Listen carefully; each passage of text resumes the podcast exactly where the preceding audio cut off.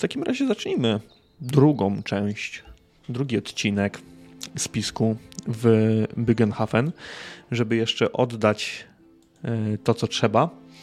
No to musimy powiedzieć, że dzisiaj gramy w okrojonym składzie. E, Torgalson dzisiaj nie, nie występuje, nad czym na pewno E, nad brakiem kapo palucha będzie tutaj e, rozpaczał nasz Gerolf, ponieważ stracił kompana do zastraszania wszystkich możliwych postaci dookoła i ta e, nieszczęsna rola będzie mm, spadnie na niego bezpośrednio. Zobaczymy, jak sobie z tym nasz młody szabrownik poradzi, a może, może przejdzie swego rodzaju katarzis i, i odmieni całkowicie swoje postrzeganie rzeczywistości, ale w pełni, mm, poważnie już teraz mówiąc, e, nie będę mm, podchodził do tej sesji tak, jakby mm, kapopaluch zniknął, jakby wyparował. On na wszelki wypadek, jeżeli zagramy trzecią sesję, a pewnie zagramy, po prostu teraz podąży z wami niczym taki NPC zwykły do y, miasta, o ile do niego dotrzecie, no i tam się rozstaniecie. Ewentualnie zostawimy sobie furtkę do połączenia was na sesji następnej. Bo nie chcę też już y, całkowicie Torgelsona wykluczać z rozgrywki, żeby mniej więcej mógł sobie dołączyć w każdej y, możliwej chwili. I mam nadzieję, że wam to, panowie, jak najbardziej E, odpowiada. Chyba, że są jakieś głosy sprzeciwu, no to, to to jest ten moment. Rozumiem, że nie ma takich głosów sprzeciwu. Wszyscy są zadowoleni z podjętych decyzji. W porządku. Przejdźmy płynnie do, do fabuły mm, i tego, co działo się jednak mimo wszystko na poprzedniej sesji, ponieważ wracacie w tym momencie z obozu bandytów. Obozu, który chciałoby się rzec, przetrząsnęliście, ale bardziej albo z zimną krwią niektórzy z was zamordowali tamtejszych bandytów. Może nie chłystków, ale ludzi, którzy nie bardzo znali się na swojej robocie. Po drugie, hmm, ci ludzie więzili dwójkę niziołków. Mieszka i knotka zieleniaków dwóch niziołków, którzy przedstawili się jako ci, którzy opuścili krainę zgromadzenia. Jako ci, którzy rozpoczęli handel w Byggenhafen i ci, którzy za wyswobodzenie obiecali wam ładny trzosik złotych monet. Więc ciężko byłoby, trudno byłoby nie skorzystać z czegoś takiego. Skoro i tak wszyscy podróżujecie do Byggenhafen, a gdzieś tam w oddali, na drodze, na trakcie, czeka na was y, młoda mieszczanka, Elis Magirius, która także przecież zaoferowała wam pewną kwotę za dostarczenie jej bezpiecznie do, do miasta. Wracacie przez las z powrotem na trakt, niosąc kufer ze sobą, wynosząc go z tych niezbyt bezpiecznych rejonów.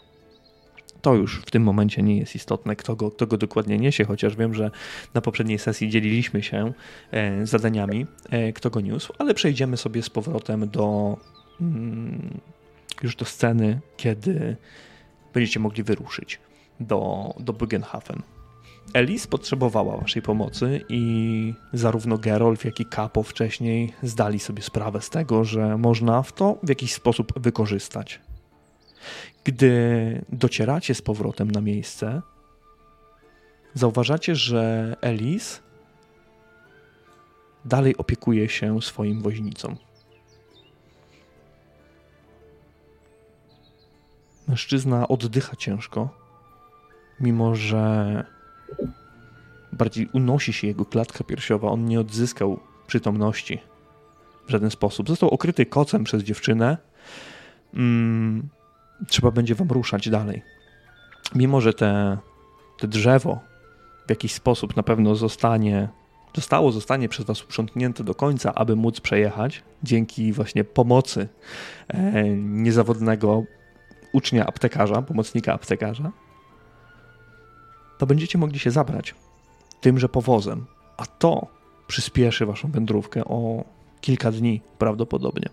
Zwłaszcza, że niebo w tym momencie zaczynają zasnuwać szare chmury, a deszcz leniwie na początku kapie na wasze głowy, a następnie siecze coraz mocniej po trakcie. Elis spogląda się na was, kiedy wychodzicie wszyscy z, z lasu, niosąc kufer i łapie się pod boki, widząc waszą, waszą gromadę. I tutaj sobie, tutaj sobie zaczniemy. Elis spogląda na was, zdziwiona, zaciekawiona i na pewne zmiany, które już was zaszły od, od samego początku, bo widać to po was. Wszystko w porządku?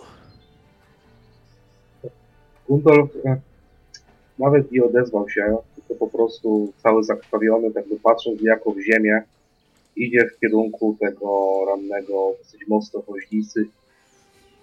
Jeszcze będzie się nim zajmował, upewnia się co do jego stanu. Mhm. Potrzebuje tego wewnętrznie. Elis spogląda jeszcze na, na tę dwójkę niziołków, która idzie, która idzie razem z wami, ale na razie czeka na to, na waszą reakcję, na to, co wy powiecie w końcu, to wy tutaj przynosicie wiadomości.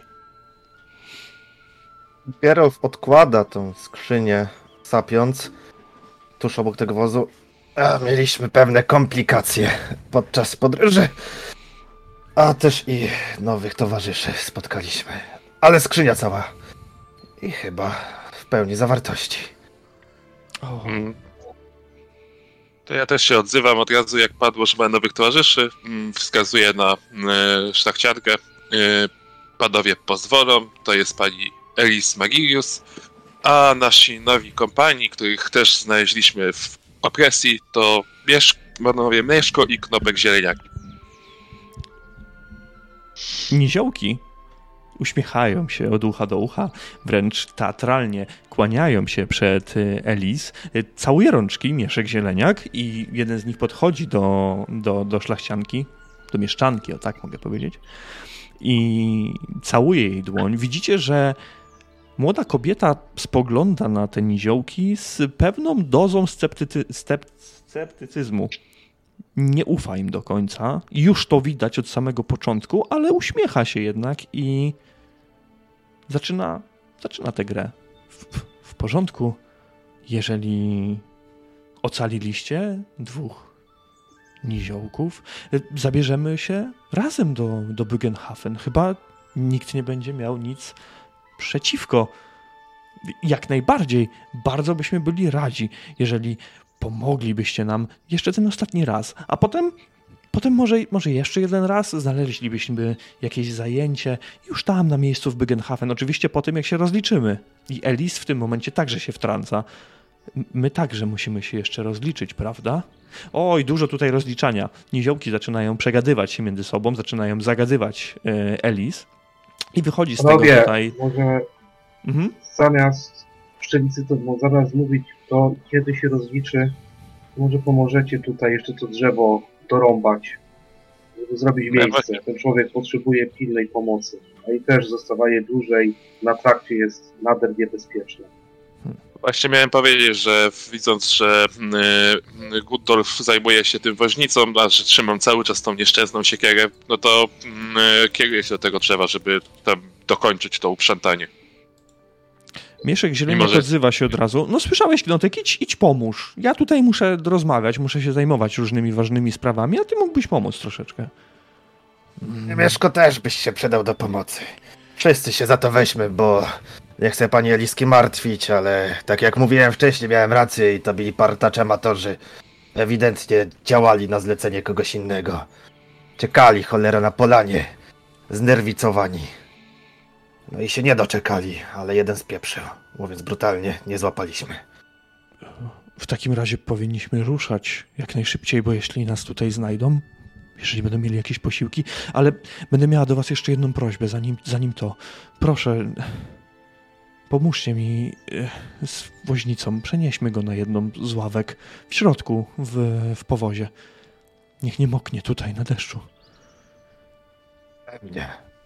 Chodź, Gundolf, pokażesz mi jak trzymaj, żeby nie uszkodzić. I generalnie właśnie będę chciał tutaj e, manewrować i trochę nadzorować e, Gerolfa, żeby go w miarę bezpiecznie i inwazyjnie przenieść do tego wozu. Mhm. Nie udaje się za radami Gundolfa, będę sięgał i chwytał po woźnicę i ustawiał. Łatwiej trzeba. Przekładacie, że tak powiem, Rolfa, tego woźnicę, na, na jedną z, z ławek w powozie. Powóz jest skryty, więc od razu jest inaczej. Powóz nie został uszkodzony. To jest plus, nie trzeba będzie go naprawiać w żaden sposób. E, po prostu bandyci wykorzystali element zaskoczenia, zwalili drzewo na drogę i zaatakowali, więc tutaj nie było mowy o tym, aby jakkolwiek skutecznie, skutecznie się bronić. Mm, żeby dotarło to do Waszej informacji dość, e, dość dobitnie, Mieszek e, Zieleniak bardziej miga się od roboty. On tutaj uważa, że, że praca fizyczna nie jest dla niego, ale kiedy tylko ktoś z Was patrzy w jego stronę, to on oczywiście tam próbuje, zapiera się, pomaga, ale będzie e, to jakiś rodzaj teatru z jego strony, ponieważ wygląda na to, że on też nie wie za bardzo, jak może pomóc, albo nie jest na tyle silny.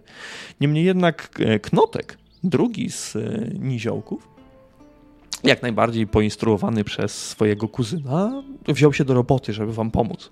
I żeby tutaj już nie dzielić e, roboty między, między sobą, po jakimś czasie, może pół godziny kolejnej pracy, bo wcześniej Gundolfowi poszło to bardzo dobrze na poprzedniej sesji, e, jeszcze trochę rąbaniny, jeśli tak to mogę ująć, i powóz będzie mógł na spokojnie ruszyć. W środku nie ma za dużo miejsca, po pierwsze. Po drugie, czy ktoś z Was jest chętny na to, żeby powozić? Się wiąże z jakąś umiejętnością? Najpewniej powożenia. Kundol raczej nie, raczej będzie tutaj w trakcie tej podróży przy tutaj woźnicy nadzorował jego stan zdrowia, bo trakty są jakie są. Mhm. Nawet najmniejsza nierówność może powodować niebezpieczeństwo życia, a biorąc pod uwagę, w jakim jest stanie, to tym bardziej. Raczej tutaj nie. Każdy z Was w jakimś stopniu na pewno powozić potrafi, tylko na tą umiejętność rzucamy w momentach takich krytycznych, wiecie, jak, jak to jest, kiedy trzeba będzie dokonać Ucieczka. nagłego manewru, ucieczki, tak, gonienia kogoś, ja. wtedy jest to mhm. A myślę, że ja mogę, bo z racji tego, że no, jak mówiłeś, pada deszcz, zaczyna się lać, więc ja chociaż mam tą pelerynę, ten swój kapelusz, to chociaż mi na łeb nie będzie padało. Także mogę zasiąść za... Dobrze. Ja nie będę odgrywał roli kapo, palucha, ale żeby jakoś tam te miejsce w środku um, uzupełnić, czy też je zwolnić, to uznajmy, że kapo siądzie razem z tobą na koźle i będziecie po prostu y, razem nawigować prowadzić ten powóz zaprzężony w dwa konie. Reszta z was, dwójka niziołków, Gundolf, Gerolf, Elis, ładujecie się do środka. Nie jest tam zbyt przyjemnie. Jest ciasno, tym bardziej, że jeszcze Rolf tam e, leży, położony przez was, ale przynajmniej nie kapie wam na głowy. I kiedy jesteście gotowi, Erasmus popędza konie i ruszacie z powrotem w stronę, w stronę Bygenhafen.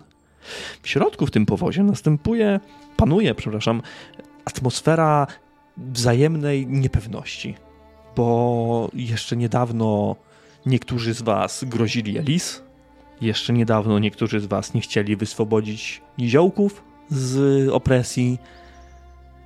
Wy sami dopiero co stoczyliście walkę i to poważną zwłaszcza w głowie Gundolfa, wiele rzeczy musi zostać przepracowanych tak czy inaczej. Nikt się nie odzywa przez pierwsze parę minut podróży. Elis w końcu jednak bierze tę odpowiedzialność na, na siebie i dłubiąc nieco przy materiale swojej koszuli, mówi: Zaatakowali nas tak tak bestialsko, tak brutalnie. Nie mieliśmy szans. moi przyjaciele, moi ochroniarze walczyli jak, jak lwy. ale nie dali rady. A jeśli mówicie, że tych paskudnych bandytów może być więcej? Cieszę się, że, że podróżujemy teraz razem w tyle osób. Gdzie są strażnicy dróg, kiedy, kiedy trzeba reagować? Kiedy wrócimy do, do Bygenhafen, sama napiszę jakąś petycję do, do Rady Miasta, albo może do samego barona Zaponatheima, aby zareagował. Panienko, myślę, że w pierwszej konieczności powinna panienka poprosić kapłanów Mor o to, żeby zapewnili tym bohaterskim ludziom godny pochówek. Żałuję, że nie mogłem, że nie mogliśmy zabrać ich ze sobą, ale już nie ma gdzie, nie ma jak. To mówię. Panienka się nie przejmuje. Jeśli byli wojownikami, to śmierć w boju, w tak, ku obronie panienki myślę, że nie bardzo ich smuci po tamtej stronie.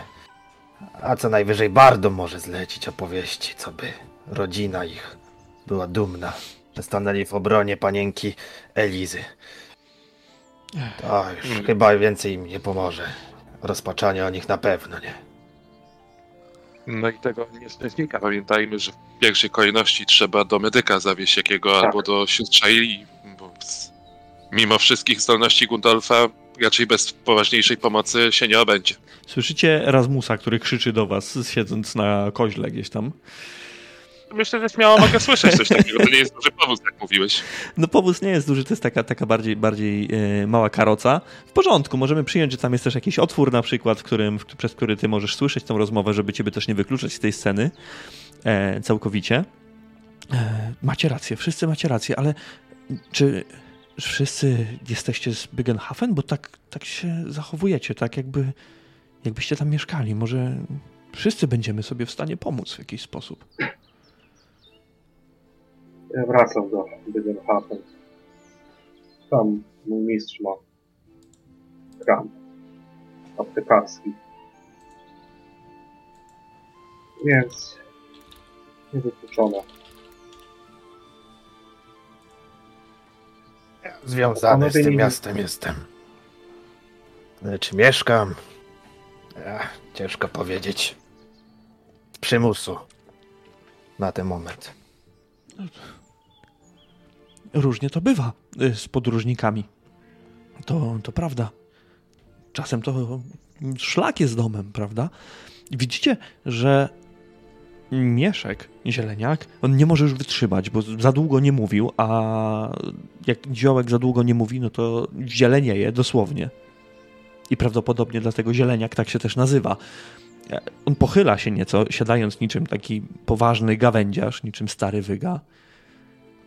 Ja powiem, ja powiem tak, posłuchajcie. Wszyscy wiemy, jak wygląda sprawa w Bygenhafen i ja to już mówiłem tutaj y, panom zgromadzonym, ale panience też opowiem. Nasz klan walczy z niesprawiedliwym prawem tego miasta i wydaje mi się, że wszyscy też możemy sobie dokładnie z tym pomóc. To prawo zabrania bardzo dochodowej sprzedaży placków z obwoźnych straganów. I uważam, że to jest poważny problem tej mieściny. Mój klan, mój klan złożył na ręce Rady Miejskiej prośbę o uchylenie tego bestialskiego zapisu. Więc uważam, uważam i teraz proszę mnie posłuchać, uważam, że to porwanie nas to jest nie, niezbity, prawdziwy dowód na to, że klan Zieleniaków swoją działalnością przysporzył sobie poważnych wrogów w mieście, bo komuś zależy na tym, żebyśmy tych placków nie sprzedawali. Panie Mieszko, za przeproszeniem. Co pan pitoli? Banda zbójów porwała pana w sprawach placków? Oczywiście, że tak.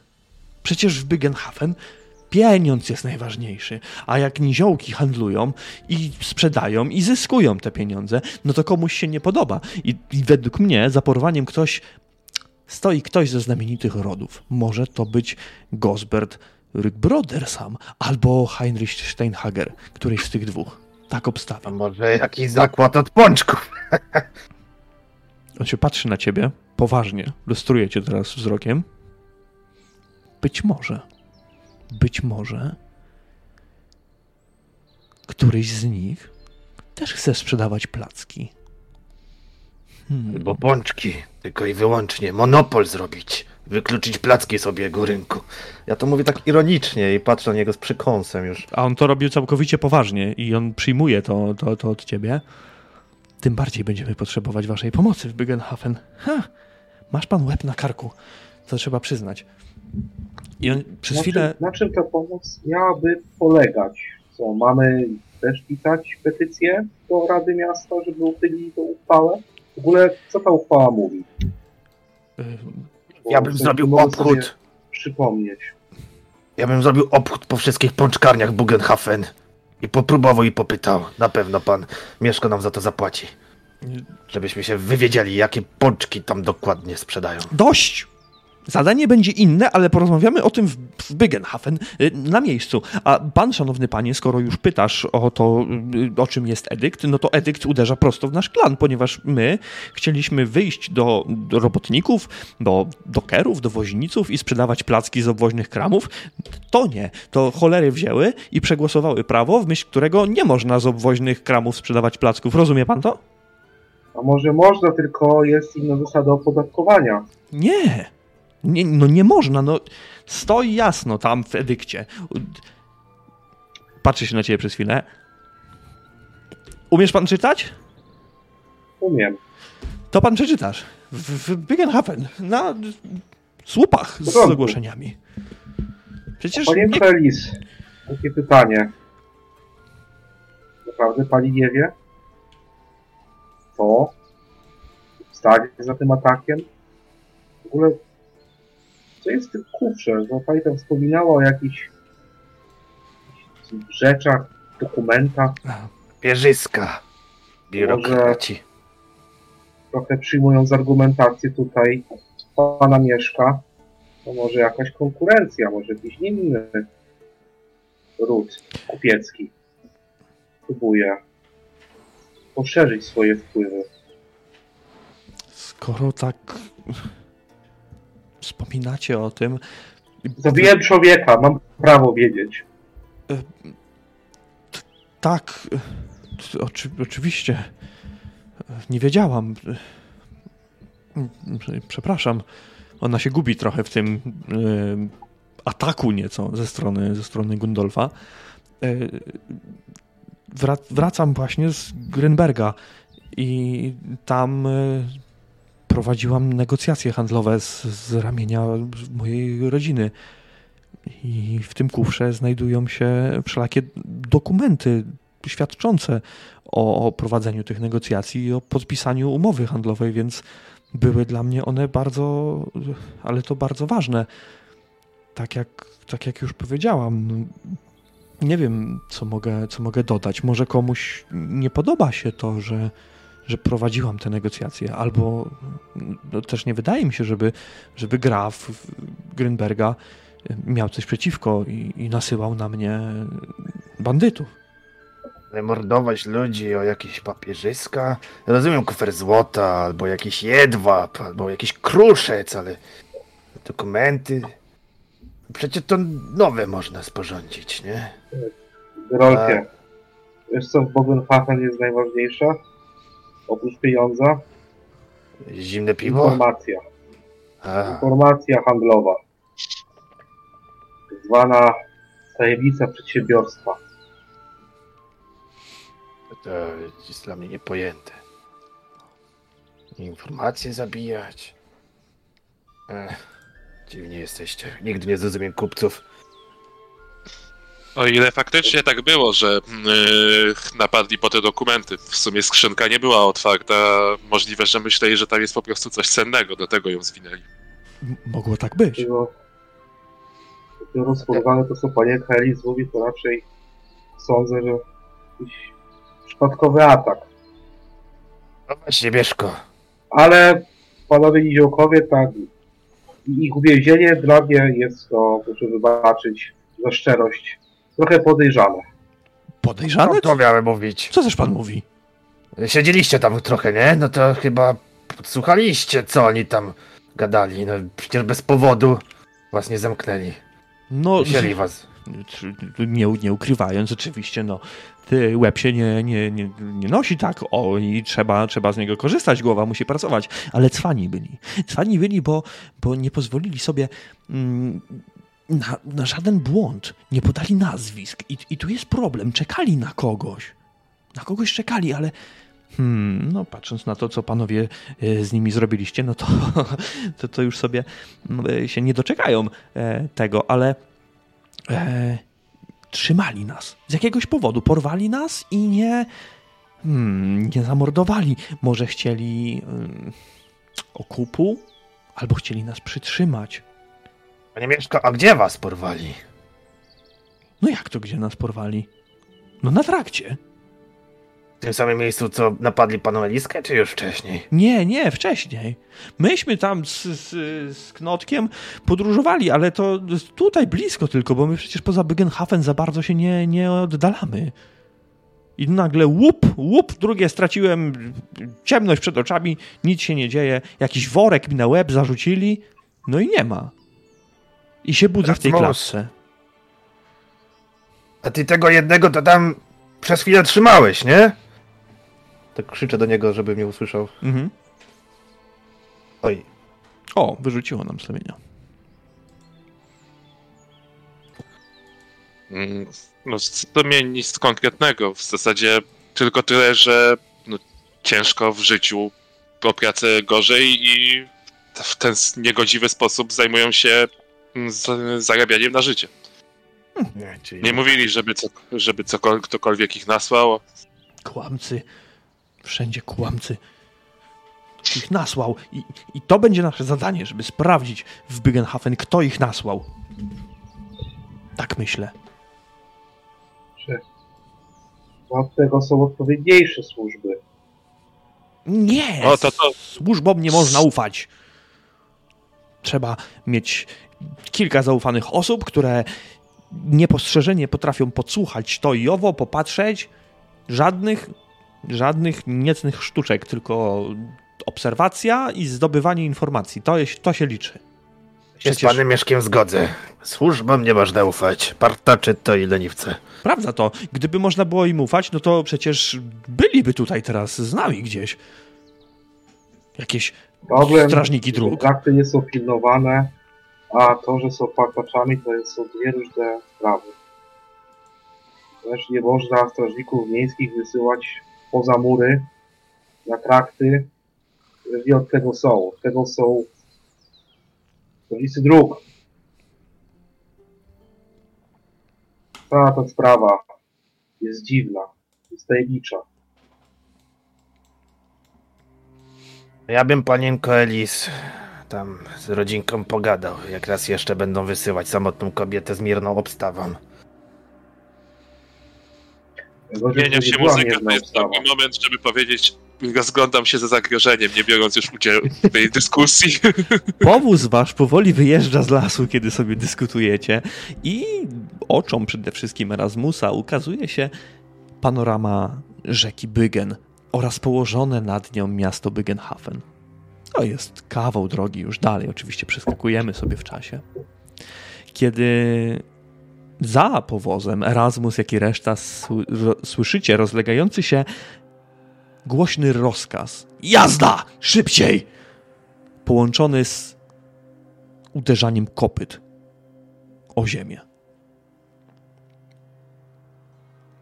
Erasmus, kiedy odwracasz głowę, zauważasz galopujących w twoją, w waszą stronę strażników dróg, na których dopiero co niektórzy psioczyli. Na kilometr można ich rozpoznać przez mundury wzmacniane kirysami. Ich konie wyglądają na bardzo już zmęczone, a sami strażnicy wiesz, że dogonią was bez żadnego problemu. Odwracał się zatem do tego okienka. Yy, o, z, wywołaliście. Z, straż akurat jedzie. Może zatrzymamy to. Yy, tak, tak, ewidentnie. Jasna cholera. Z nimi będzie bezpieczniej. Jeszcze ich tych zabrakło. I tak... No, w sobie utrzymuje cały czas prędkość, ale no, oczekuję, że dojadą do nas. I gdy już będą blisko, chcę ich zatrzymać. Dopiero sprawdza dobycie miecza, czy nie jest tam przygligowana klinga w pochwie, czy będzie w stanie szybkiej dobyć, tak się upewnia i widzicie po jego twarzy, że zrobił się mocno niespokojny, nie swój. Nie swój. Strażnicy zrównują się z wami dość szybko. Mm, zwalniają, zwalniają i kiedy ty, Erasmusie, chcesz do nich zawołać, oni wołają w twoją stronę. Halo, podróżni, zwolnijcie, zatrzymajcie się. Mm, oczywiście, my też właśnie mieliśmy nadzieję, że trafi się jakiś patrol. Tutaj napadnięci zostali. Zatrzymuje się.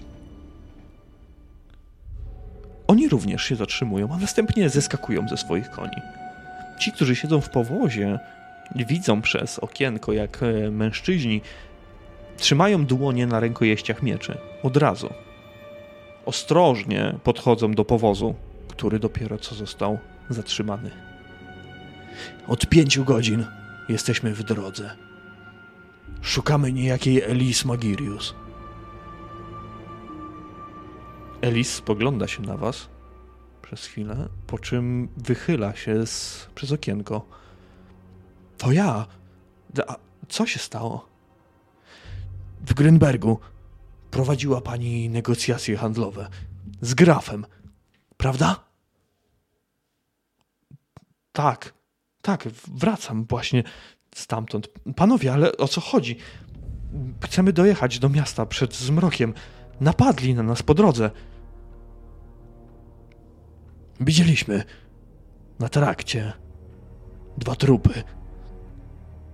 No, skoro tak mówicie, trzeba będzie to zbadać, ale istotne jest to, że w Grünbergu została zgłoszona kradzież cennej biżuterii, a świadkowie uważają, że mają przy sobie jeden z pani ludzi.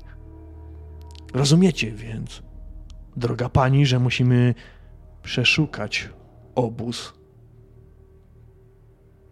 Proszę, nie obóz, tylko powóz. Ja, ja nic o tym nie wiem. Moi ludzie zginęli podczas napadu. Poza jednym. Się robi ciekawie. Ale... O, może załatwimy to już w mieście, bo... Panowie sądnicy, jest tutaj ciężko ranny. Może pojedziemy do miasta w waszej obstawie.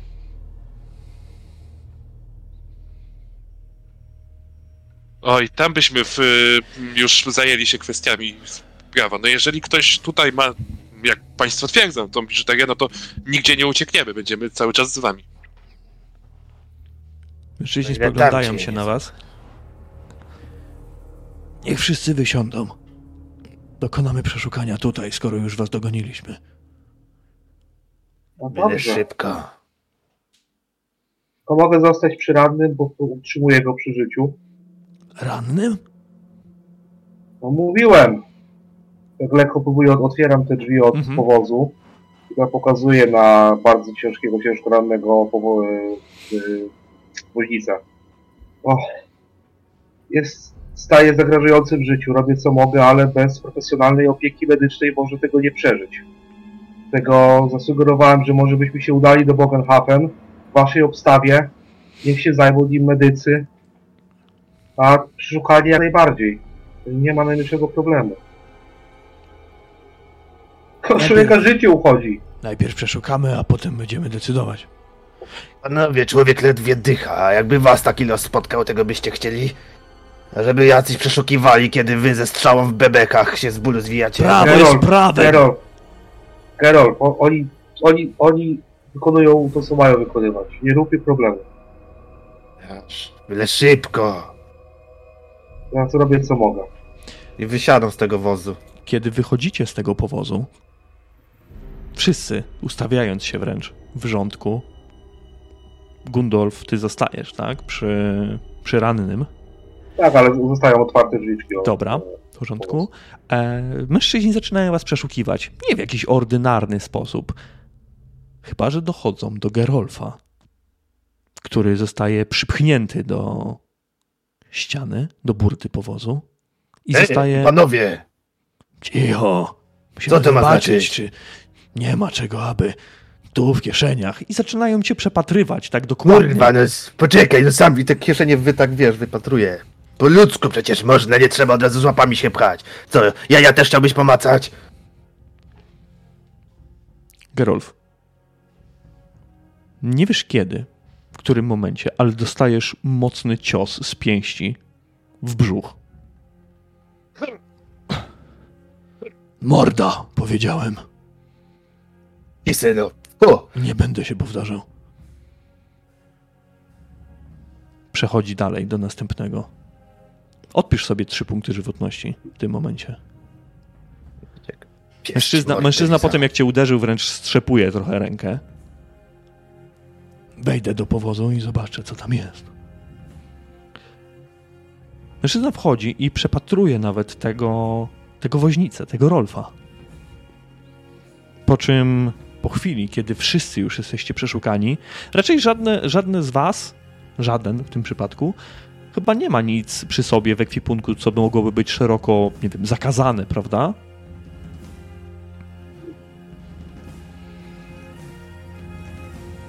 Raczej nie. Nie, nie. Nie, nie, Dobra. nie. Mężczyźni wyskakują z powozu, po czym cały czas trzymając e, się przy pasie za, za miecze, jakby lustrując wzrokiem Gerolfa. Wskaku- wsiadają z powrotem na swoje konie. W porządku. Możecie jechać. za zamieszanie przepraszamy. Taka praca, rozumiecie? Wracamy do Za kurwa, Grünberga. niech ci raz. Taka praca. Się nazywacie obrońcami dróg. Jeden z nich Ja tak tylko się. łapię go Mhm. za ramię i kręcę tylko głową, że nie warto. Jeden z nich zaśmiał już- się i Erasmus postąpiłeś bardzo dobrze od razu, bo zauważyłeś, jak przy jego pasie z drugiej strony przypięty jest pistolet, którego on może użyć w każdej chwili, ale nie robi tego. Jeszcze. Oni odwracają się na tych koniach i popędzając je, ruszają tę stronę, z której przyjechali. Jakby to, co mówiliście do nich wcześniej, było dla nich kompletnie nieistotne. Olali ten temat. Nie będą was eskortować, ale dali wam spokój. Pałasza i niech będzie, chcieli. Panie Gerolfie, i tak byśmy nie dali rady z takim tłumem. Przecież pan jedyny tutaj do miecza ponad tym jednego. Walczyć ze strażnikami? W innych okolicznościach z chęcią poderżnął im gardła, sukin koty. No, cholery mi tak przypierdolił, no. E, się łapie za brzuch. To ważniejsze teraz rzeczy. Musimy tego biedaka do lekarza za zawieźć. No i lepiej zejść z tych dróg, bo bogowie tylko wiedzą, co jeszcze nas tutaj może spotkać. Już Tak, lepiej być tak. za bezpiecznymi murami. Ładujemy się z powrotem i czym prędzej do tego przeklętego miasta. I tak patrzę na panienkę Lis. Nic, nic Jak panu pani- nie jest? Nic, nic, nic, nic się nie stało? Ona podchodzi do ciebie i wiesz, jakby... Jak panienka będzie ten donos pisać, to proszę zaznaczyć, żeby tych sukin kotów przepadorzyć. Chciałabym, ale to strażnicy dróg, oni stanowią prawo na drogach. Trzeba się stosować do tego, co mówią. Proszę, niech pan uważa. Na język chociaż, bo to przecież jeszcze chwila i by chwycił za ten pistolet. Wystrzeliłby i mielibyśmy jeszcze większe problemy. Uczciwy Lubię. obywatel pobity w biały dzień, psia mać. Ludzie, mam taką radę dla ciebie. Bogenhafen, próbuj miarkować język, bo, bo ani się nie obejrzy, że wylądujesz w lochu. No widziałeś, że ja na spokojnie wiem. podszedłem. Ja wiem, wiem. Wiem, że potrzebujesz tego normalnie. Ale niestety są potężniejsi od nas. I mogą sobie za pstryknięciem, pal, za pstryknięciem palca mogą nas wziąć nawet na szafot, jak trzeba będzie. Ja tak wchodzę na tego, na tego kozła i tak, może to jest ten efekt tego uśmiechu tych strażników, albo jakieś po prostu przeczucie, ale tak spoglądam na Gerolfa i na Gundolfa. Wiecie co, a rozejrzyjcie się po powozie, bo może oni nie chcieli czegoś u nas znaleźć, tylko może coś, już nie wiem, wszystkiego się spodziewam, może podrzucić, a potem dopiero nas czeka rewizja jakaś. Bronić nas. No właśnie. On mądrze mówi, mądrze mówi, trzeba patrzeć na wszystko. Może nam coś popodrzucali. Te niziołki zaczynają siebie przepatrywać nawzajem, czy, czy może czegoś nie mają. Nie, no nie. Ja też, ja też się sprawdzę. No to ja też przeszukuję tam, rozglądam się. O tej biżuterii. Nie wiem. Przecież to jakiś błahy powód, żeby gonić samego Grünberga tutaj, bo ktoś ukradł biżuterię. Ja tam byłam na rozmowach handlowych. Czemu miałabym kraść biżuterię, na którą nie stać? Nie wiem, nie wiem, pytam. Ten Panienko Elis, wiem. napadli z powodu jakichś papierów. Wszystko jest cholera możliwe. Jest... Coraz gorzej, gorzej niż by się wydawało. Jedźmy już do, do Byggenhafen, tam mam nadzieję, że będzie spokojniej. To ja jak posprawdzałem sobie faktycznie też kieszenie, tę zachwę swoją, czy nic tam nie ma. Jeżeli Nie, nie tam ma. nic nie ma, chodzę na kozła, no i czekam aż wszyscy wsiądą do powozu. W tej skrzyni to czego nie zabrali? Sukienkoty. To jest dobre pytanie, Gerolf, bo zdajecie sobie sprawę z tego, że oni przeszukali jakby was tylko. Przeszukali także woźnicę, ale do skrzyni, do kufra nie zajrzeli. Nie zapytali nawet o niego. Przecież to idiotyzm. Wystarczyło, że byłoby to tam. Ale może oni. Hmm. Może kolejny raz strażnicy dróg pokazali wam w jakiś sposób, jak tak naprawdę podchodzą do swojej pracy. Panienko otworzy tę skrzynię za pozwoleniem. Kufer? W sensie? Tak, tak, o nim mówię. Do, dobrze. W porządku, ale ona otwiera ten kufer. On jest tak jakby teraz na, na tyle powozu, więc i tak musicie wyjść. Albo uznajmy, że jeszcze nie wsiedliście do końca. Ona podchodzi do tyłu, wyciąga klucz, dość duży, przekręca go i otwiera. I zauważasz, że w środku jest nieco ubrań, jakieś kosztowności, może nie biżuterii, ale bardziej e, trzosik z pieniędzmi na podróż i masa, ale to masa dokumentów różnorakich. E, No nie wiem, co tutaj mogłoby... To nawet nie ma biżuterii, no niech pan sam spojrzy. Ja zaglądam do środka, tak? Mhm. Nawet może wsadzam rękę na spód, żeby wieka dotknąć. Gdzieś tam między, między palcami wyczuwasz od razu kilka monet, które prawdopodobnie wysypały się z, z trzosika, ale czujesz papier, czujesz jakieś, jakieś kartki. Na pewno nie ma tam żadnego naszyjnika, żadnej biżuterii. Czujesz miękki materiał, jakiejś sukni prawdopodobnie balowej, którą Elis musiała przywdziać. To nie jest jakiś mocno wypchany kufer. Kiedy tak przepatrujesz to, ona stoi obok ciebie, patrzy się nieco, nie to, że podejrzliwie, ale jest zdziwiona, co, co robisz. I z całą pewnością, bez żadnego rzutu, no nie znajdujesz tutaj nic, co oni mogliby szukać. Ujmę tą rękę. Przepraszam panienkę bardzo, ale rozumie pani, nie chciałbym skończyć na szubienicy, kiedy dojedziemy do miasta. Kwestia bezpieczeństwa. Ja, ja też nie, ja też nie, rozumiem. Ja mam takie pytanie. y, Mhm. Ilu ich było? Strażników? Oddział? Nie wiem. No? Dwóch. Ich było? Dwóch. A, myślałem, że była, było ich więcej. Nie, nie, dwóch, dwóch. Jak gdyby, bo z tego co kojarzę, to, to jest takie standardowe, że jeżdżą do zasady we dwóch. Znaczy w większości chyba pojedynczo, ale czasem się zdarza, że jeżdżą we dwóch. Tak, czasem są też liczniejsze patrole, ale Aha. tutaj albo bym wam kazał pasywnie rzucić na coś i i żeby, nie wiem, identyfikować, mm, czy nie są to jacyś przebierańcy, ale wszyscy, jak jeden mąż, nie macie żadnych wątpliwości. To byli strażnicy dróg, to nie, to nie byli jacyś... Nie, nie, no, znaczy wiesz, kwestia tego bardziej się po prostu zastanawiałem nad tym, czemu było ich dwóch, bo tutaj właśnie jakoś próbowałem szukać jakiegoś sensu, czy nie byłoby raczej normalne, gdyby był jeden. Mhm. Tyle, ale jeżeli, no nie. to Nie, nie, tak tutaj nic, nic podejrzanego w, tym, y, w tym nie było, na 100%. Dobra. No to teraz się zastanawiam, o co cholera im chodziła. Nie wiem, może kufra nie zabić, może czy, czy żyje, czy cokolwiek, no nie wiem. Jedźmy z tego miasta, błagam. Albo... Albo Gundolf. Gundolf. Albo chcieli nas nastraszyć. Tak to wygląda. powiedzieć, z kim podróżuje panienka Elis, tak? To też chcesz powiedzieć? Że, czy może nas Bogenhaven znajdą i zabiją. Ale bo chcą po prostu panienkę przytrzymać. W którą stronę Jak oni pojechali? Do Bugenhafen, czy wrócili z powrotem? Wrócili, wrócili jakby. Oni przyjechali z tego miasta, które nazwali Grünberg i wasza wiedza geograficzna tutaj lokalna pozwala stwierdzić, że no rzeczywiście z tego miasta przyjechali, bo ten trakt prowadzi w tamtą stronę. E, przeszukali was i ruszyli z powrotem. Albo... I tak zgadzam się do Lis. Albo chcieli się upewnić czegoś. Czy może panienka żyje albo nie żyje, jeśli panienka rozumie, co mam na myśli. Staram się. Przynajmniej staram się zrozumieć to wszystko, ale jak wrócimy do Bygenhafen, zajmę się rzeczami rodzinnymi i na pewno nie zostawię tego bez odpowiedzi.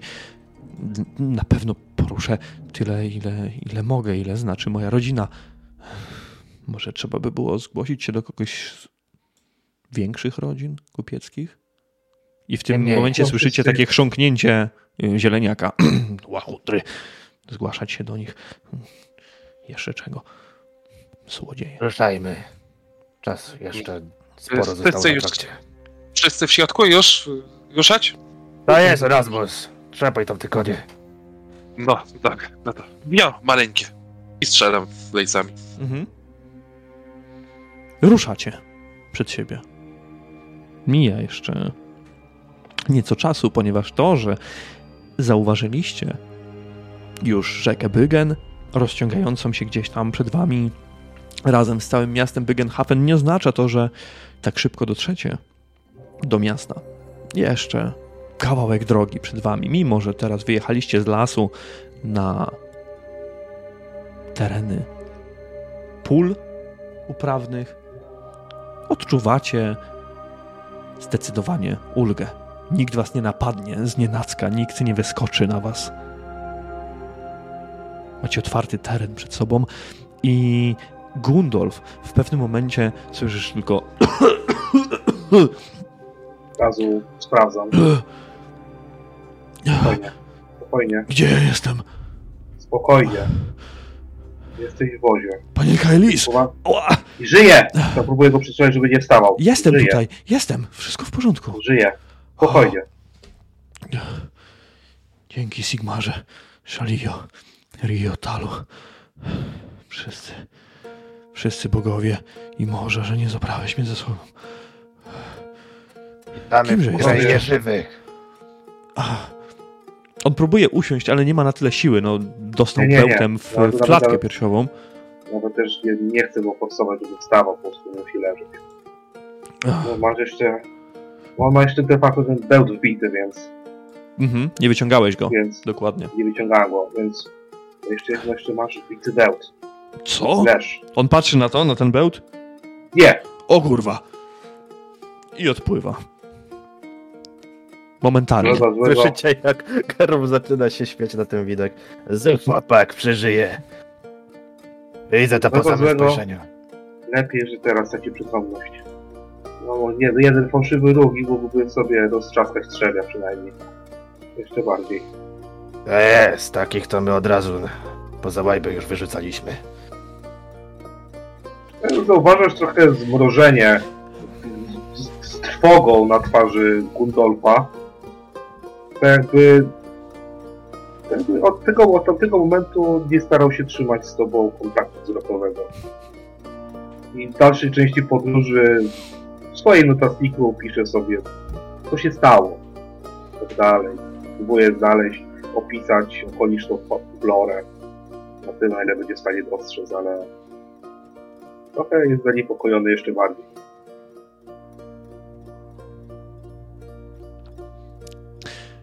Wraz z szybko zapadającym zmierzchem nad Bygenhafem, Bygenhafen, tak samo szybko przestaje padać deszcz. Mimo, że wasz powóz przejeżdża przez kałuże, które już zdążyły się zrobić i przez te istne kolejny w błocie, tak nie ma problemu z powożeniem e, Erasmus. Ani razu nie konie nie płoszyły się. Widać, że są to naprawdę porządne konie, które nie jeden powóz już ciągnęły przez złe warunki. Witani jesteście podejrzliwymi spojrzeniami strażników miejskich. Jednakże hmm, posiadanie Elis po swojej stronie zdecydowanie, ale to zdecydowanie wpływa na przepraszam, na waszą korzyść. Przejeżdżacie przez zachodnią bramę Bygenhafen. Pewnie zostalibyście nawet zatrzymani o tej porze, ale Elis wychyla się z powozu i macha strażnikom na powitanie, tak jakby to byli jej znajomi. Ci rozpoznają ją i nie robią nic, tylko przepuszczają was po prostu dalej. Nawet nie pobierają tutaj żadnego podatku. Wjeżdżacie do dzielnicy, którą możecie określić mianem dzielnicy kupieckiej. Tej bogatszej, lepszej. Ludzie, mimo zapadających powoli ciemności, krzątają się to tu, to tam. Jedni spieszą do swoich mieszkań w licznych kamienicach, a inni dopiero zamykają swoje kramy. Wraz z zapadnięciem zmroku na miasto spada także inna zasłona. Ta, która wprawia wszystkich w uczucie nerwowości, zarówno ta, która Gerolfowi pozwala żyć. Miasto we władanie biorą złodzieje, włamywacze i mordercy. Już teraz widać tu i ówdzie grupki podejrzanie wyglądających typów, którzy szepcą coś do siebie po bramach i licznych zaułkach. Odzywa się jednak Elis. Mości niziołkowie, gdzie moglibyśmy was podwieźć do waszego domostwa? Och, nie, nie, nie, nie, nie, nie trzeba. Musimy się ukryć przed tymi, którzy nas porwali. Wszędzie będzie dobrze. O, nawet tutaj. Tak, kwestia rozliczenia. Tutaj Prości na placu. panowie, Spokojnie. rozumiecie. Spokojnie. Bez, bez nerwów. Nie, nie, nie, że nerwów, ale rozumiecie, miasto duże, noc dość ciemna, być może widzę państw, państwo ostatni raz. Zrobimy tak. Pa, panie, panie Erasmusie, niech pan się zatrzyma nawet tutaj, tu na placyku. Wedle życzenia. No i mm, stopuję koniec. E, Nie macie co się martwić o nas. Nic nam się nie, nie stanie.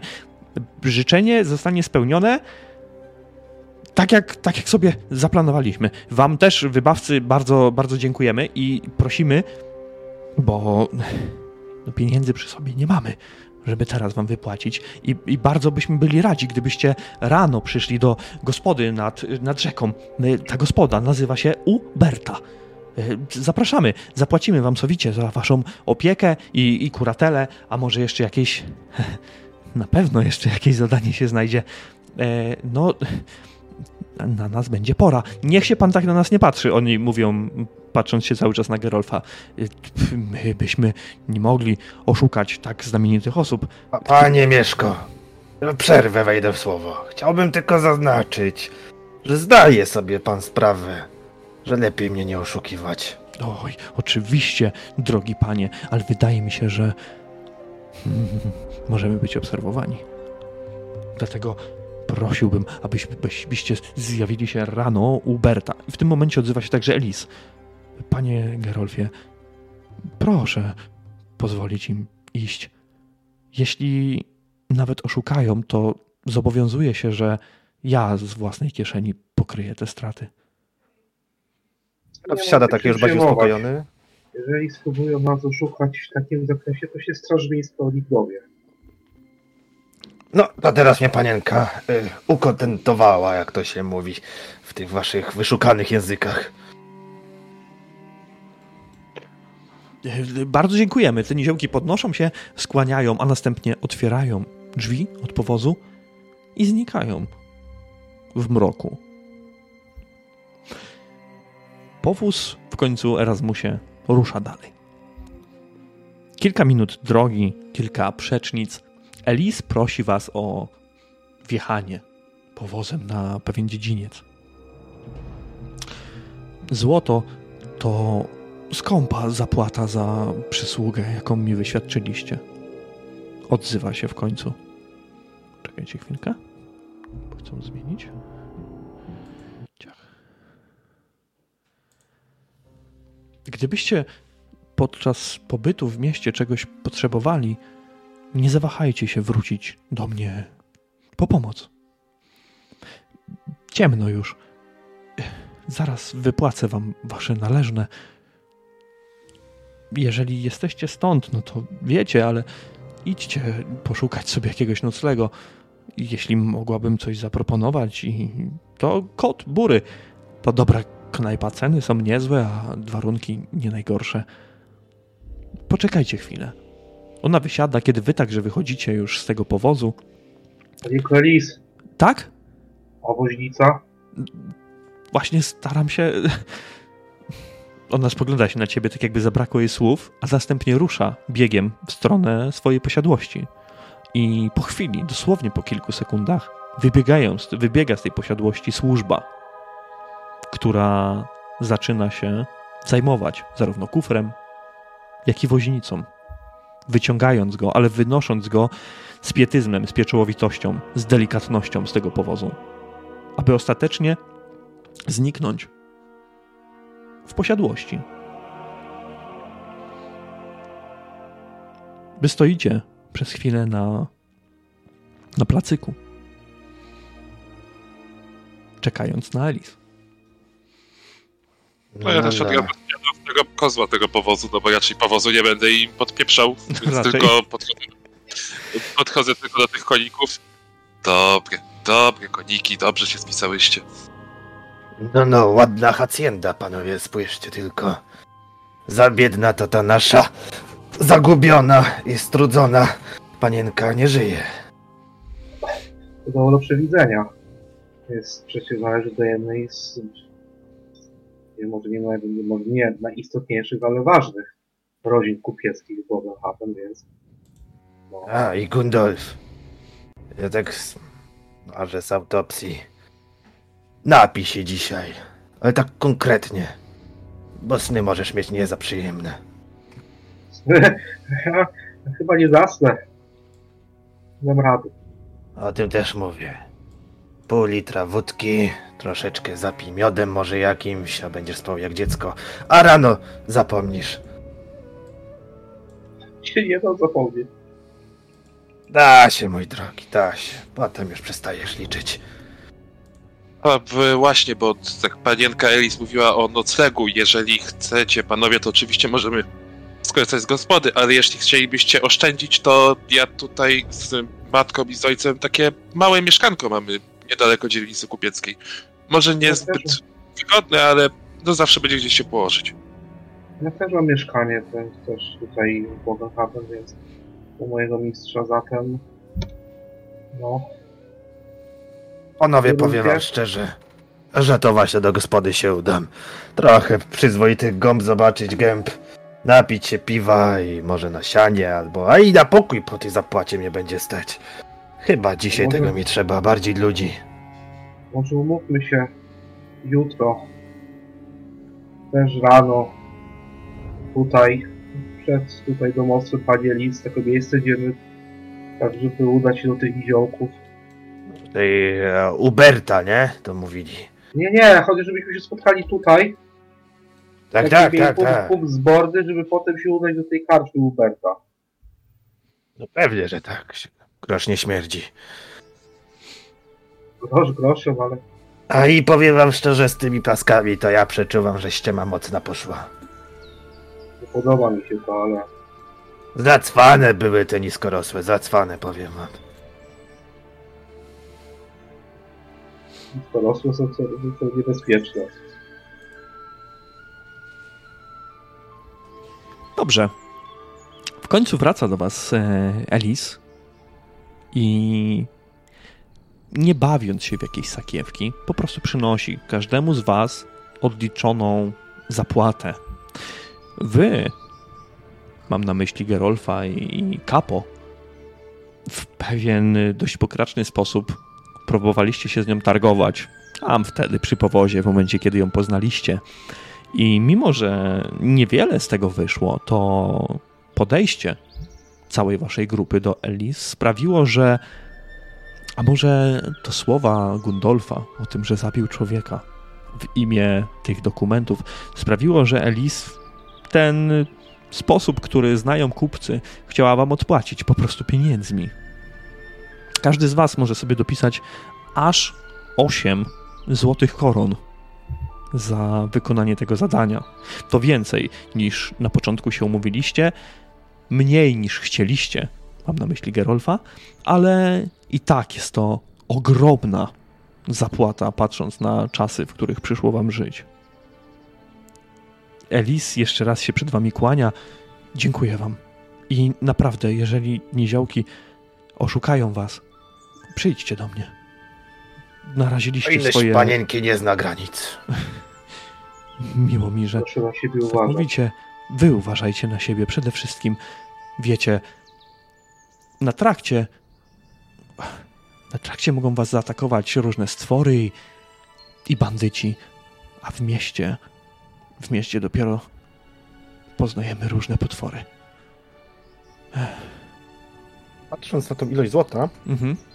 e, Geralt nigdy nie widział takiej ilości złota, nigdy nie miał w ręce. Patrzę zahipnotyzowany i tak zwraca się do Elis. Gdyby panienka jeszcze jakieś moje usługi by chciała, to zawsze z chęcią pomogę. Wydaje mi się, że w tym momencie niziołki bardzo, ale to bardzo potrzebują waszej pomocy.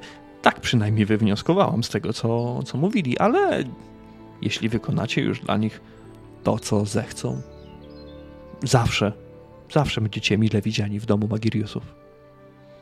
Pani również też, jakieś lekarstwa. Na pewno się zgłoszę, jeżeli będę potrzebować. Zakończymy sobie tę scenę tutaj. Na swojego woźnictwa. To też jest istotna, istotna kwestia. E, Gundolfie. Zakończymy sobie tę scenę w tym momencie, i zanim przejdziemy do um, wojaży w przybytku karczemnym e, Gerolfa i następnego dnia, no to zaproszę, zaproszę Was na krótką przerwę. I w ramach kontynuacji. Mm, To ja tylko tak jedną scenkę chciałbym w, z, t, zrobić, proszę bo bardzo. mm, y, z tych koron jedną wręczam y, Gundolfowi. No i mm, Gundolfie, y, bo tak jak już jesteśmy, mm, po leki dla Matuli, te maście i ziółka, co przygotowywaliście, to już zapas sobie zrobił, to zawsze już będziemy A, mieli to z głowy. Dobrze, przekażę mistrzowi w takim razie. Dobrze. I biorę tą koronę taką osobną. No i to ode mnie wszystko. Dobra. Dobrej nocy. Uważajcie na, na siebie. rozchodzicie się nawzajem do różnych, w różne strony miasta. Tam, gdzie będziecie dzisiaj nocować, jedni mają swoje miejsca, ale Gerolf, no właśnie, ty nie mieszkasz w Bygenhafen na stałe, więc możliwość odwiedzenia jakiejś knajpy przy pełnej sakiewce monet brzęczących to jest zawsze dobry pomysł. Hmm. Mrok miasta rozświetlają jedynie latarnie ustawione wzdłuż głównych dróg, kiedy ruszasz do knajpy wskazanej przez Elis. Na miejscu okazuje się, że niewielki jest to zajazd. Mimo wszystko. Parterowy budynek, kryty strzechą, taki w staroświeckim stylu. Co z drugiej strony dodaje mu przytulności? Hmm, przypomina stare czasy. Długi, drewniany szynkwas przyciąga uwagę po wejściu. Kilka długich stołów, parę pomniejszych, odgrodzonych zasłonką niczym takie prywatne alkowy, na którą zdecydowanie mógłbyś sobie teraz pozwolić, ale co będziesz robił, to już zostawimy tobie. Zapach ważonego piwa wdziera się w nozdrza. Och, i to jak? Akompaniuje także twojemu burczeniu w brzuchu.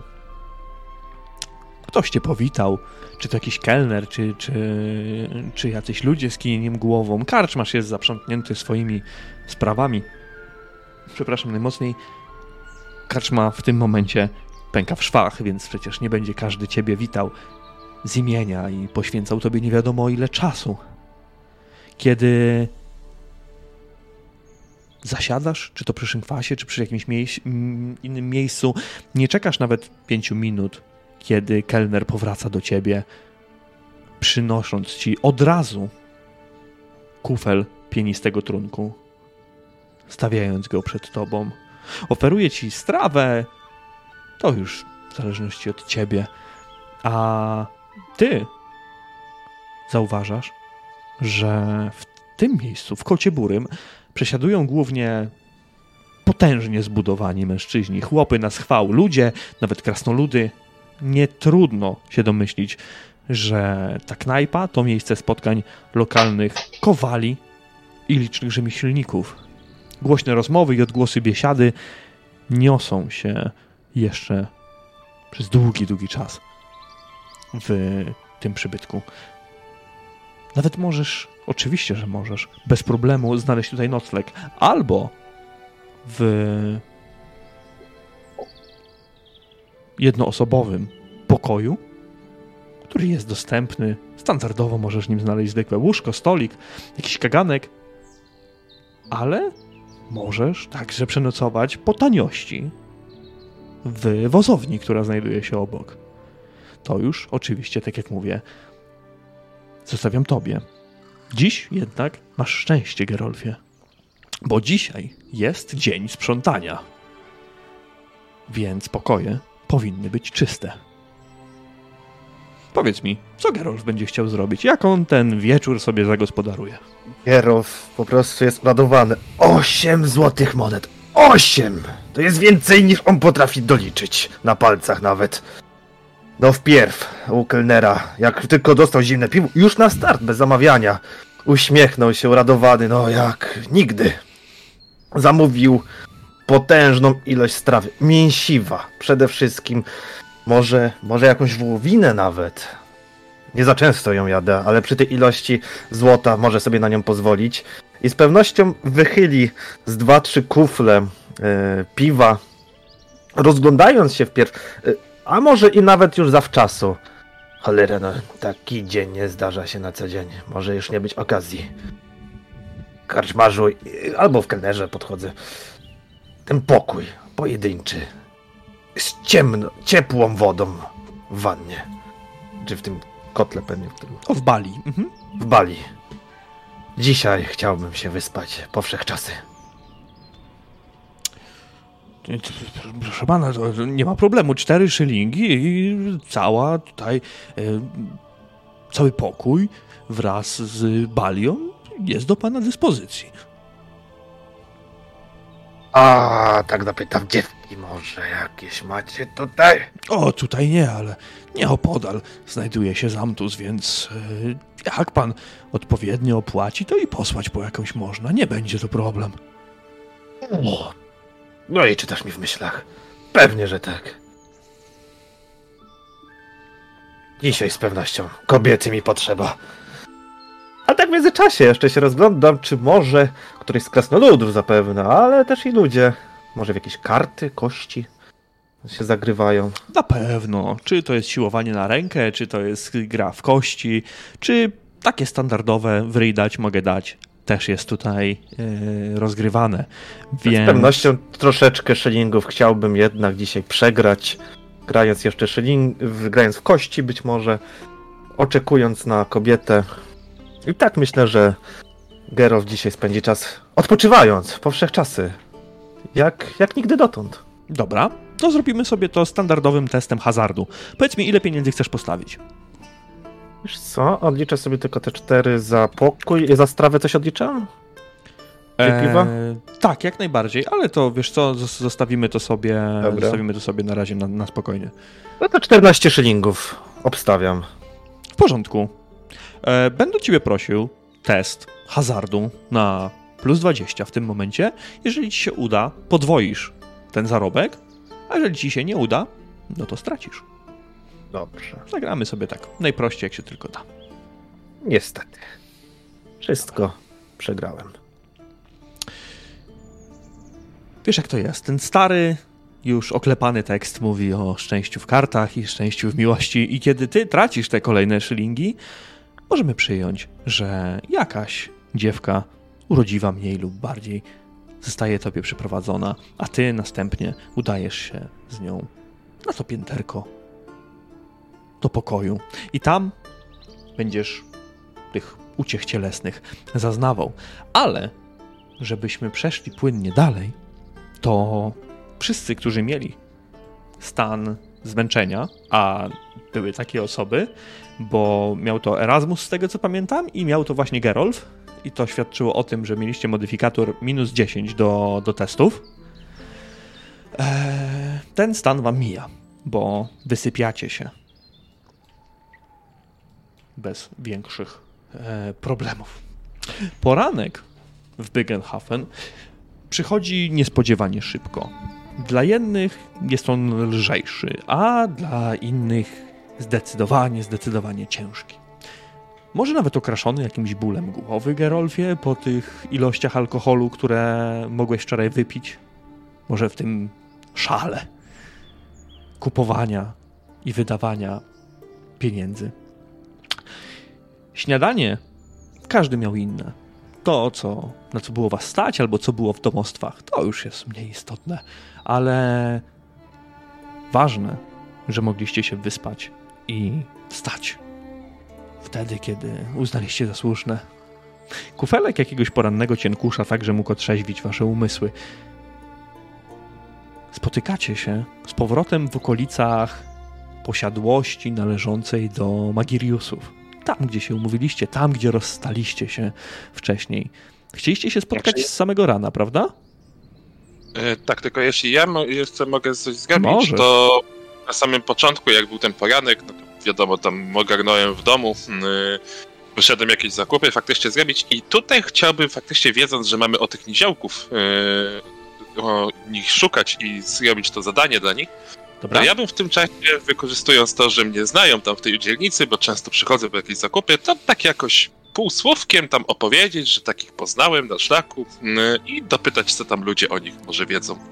Jak Super. to wygląda sytuacja. Super. To poproszę od ciebie te splotkowania na plus 20. Erasmusie. Dobry pomysł.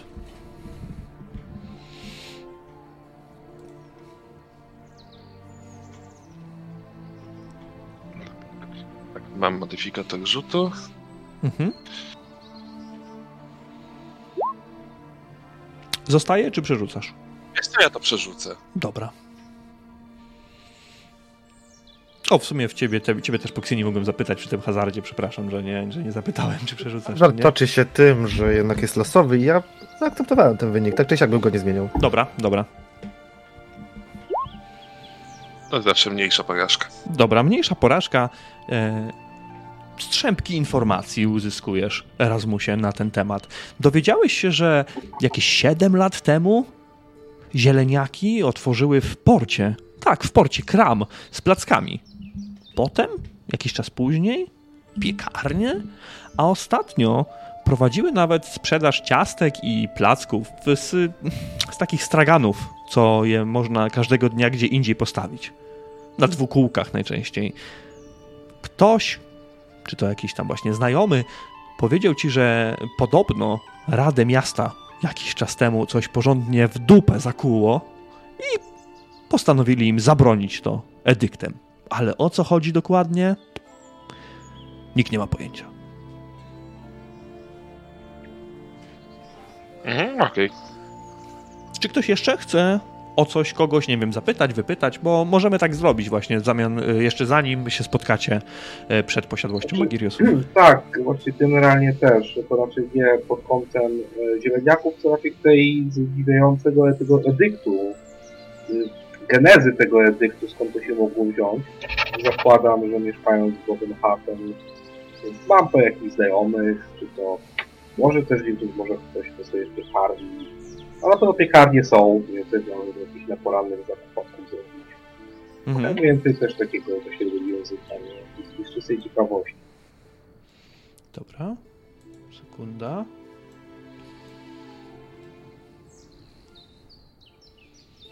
Czy jesteś w stanie tutaj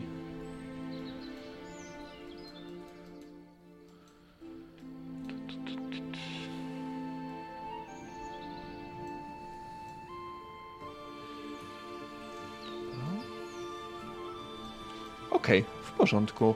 E, ciebie też będę prosił w takim razie o, o rzut na plotkowanie na, na plus 20. Krytyczny sukces.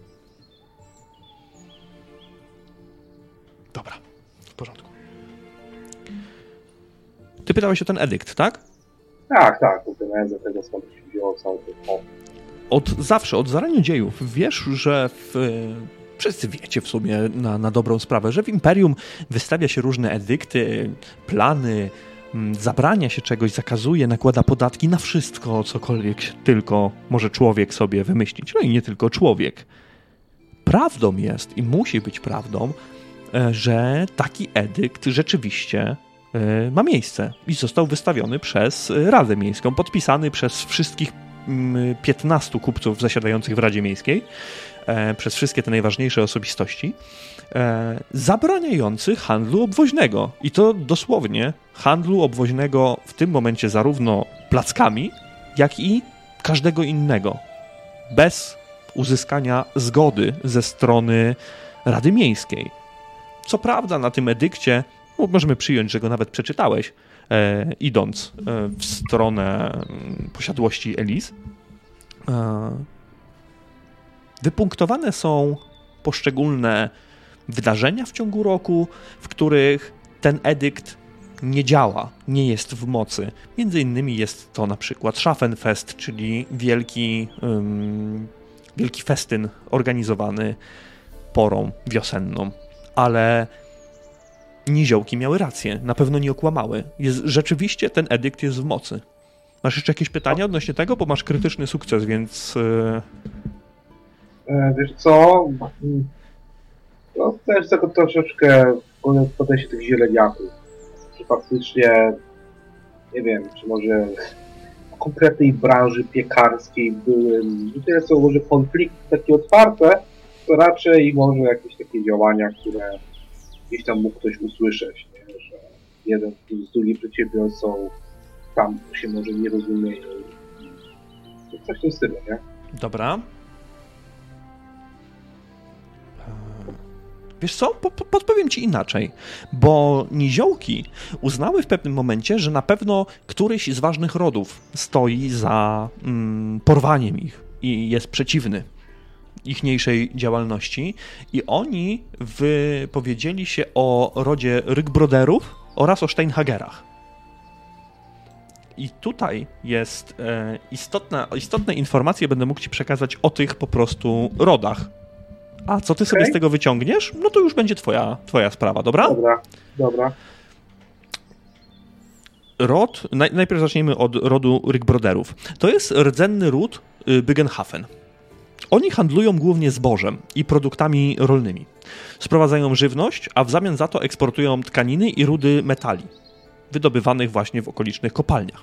Tradycyjnie są najbiedniejsi, czy też byli najbiedniejsi spośród tych najważniejszych rodów, ale różne wydarzenia mające miejsce 10 lat temu e, oraz zapotrzebowanie wojenne zmieniło całkowicie ich sytuację.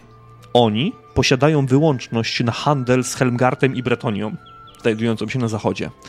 Większość towarów przewożą lądem, dlatego utrzymują bliskie kontakty z gildią woźniców. To jest istotne. Głową rodu jest stary, po 80 już e, głową rodu jest e, starszy mężczyzna, Hieronymus Rygbroder. Więc to jest jedna rzecz. A druga e, rodzina to jest ród Steinhagerów. Oni także pochodzą z Bygenhafen. oni zdominowali mm, handel z osadami w Górach Szarych.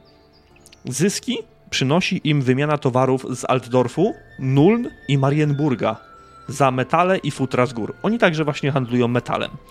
Wojna zerwała szlak handlowy z Marienburgiem. Jednak sprzedaż metali armii Imperium przyniosła im ogromne wręcz zyski. I ród Steinhagerów to jedyny klan z tych e, najważniejszych, który żyje dobrze zarówno z dokerami, jak i woźnicami. Bo w Bygenhafen trwa odwieczna wojna pomiędzy dokerami i woźnicami, wiadomo. Z, ze względu na sposób przewożenia y, towarów. Mhm.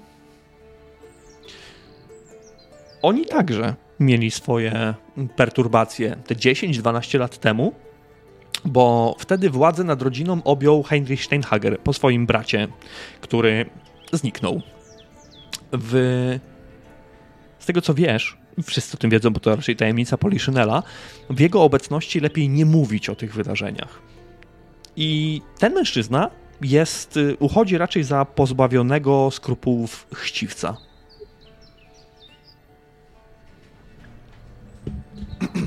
To tyle, ci mogę powiedzieć.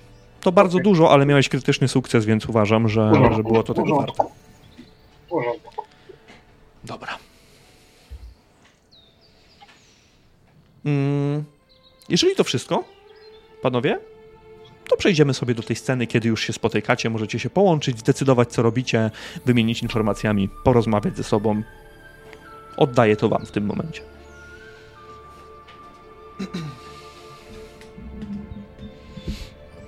Ależ miałem przyjemną noc, panowie. Rad jestem, że was widzę ponownie. No. No właśnie, widzę. E, Erasmusie, proszę, to, to leki.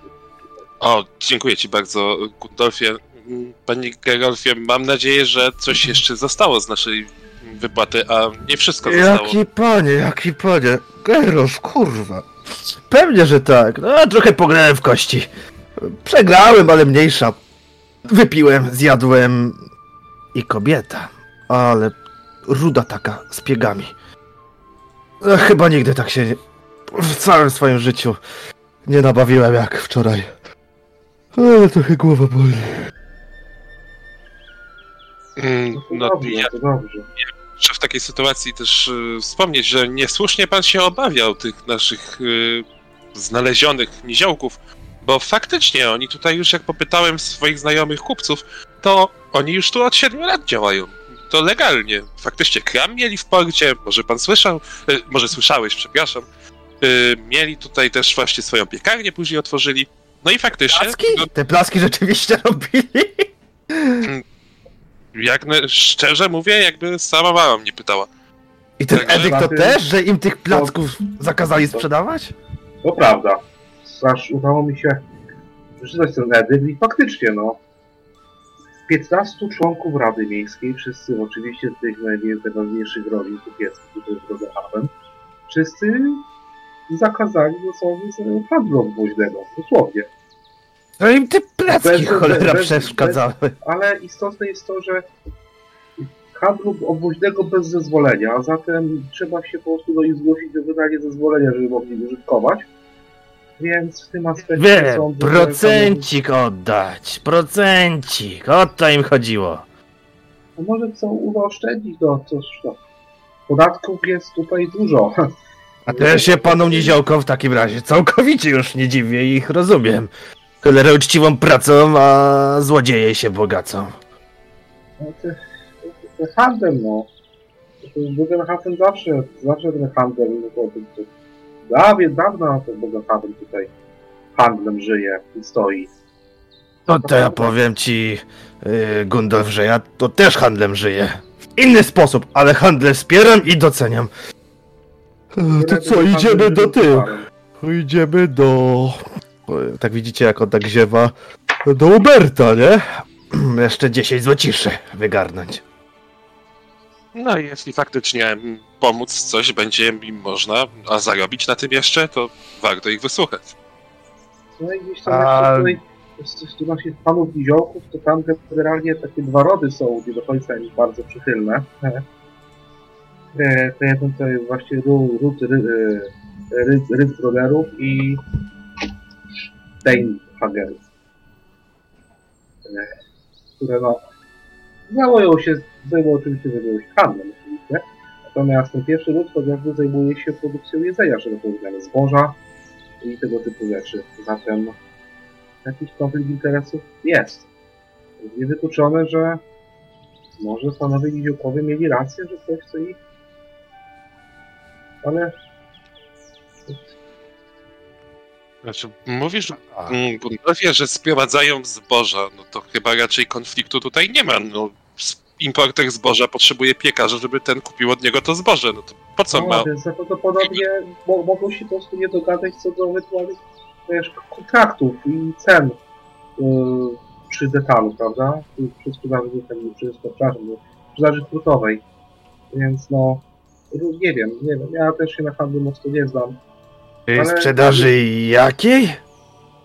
Sprzedaży takiej, że jest duże, duże ilości za z inną, z innym, z innym, z innym podatkiem. Tak to mogę nazwać. A, aha. Bo na przykład kupujesz sobie y, jakiś tam produkt y, w hurcie, kolokwialnie mówiąc, za powiedzmy, nie wiem, dwa szyliki, prawda? A w sklepie ten sam produkt no, znaczy, kupujesz w sklepie, prawda, za, nie wiem, dwa szyligi i 10 pesów, prawda? I to jest, i to już jest no tak. bo tam sobie sprzedawca musi jakoś wyrównać im te straty, prawda? E, przy kupie. Koźwa Gundel, mądry jesteś. Jak jasnie Żyję w mieście, to, to jest powszechna wiedza. Muszę powiedzieć.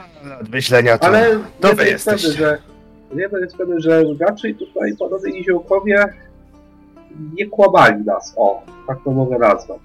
Przynajmniej hmm. dzielili się tą, tymi informacjami, które są zgodne z prawdą.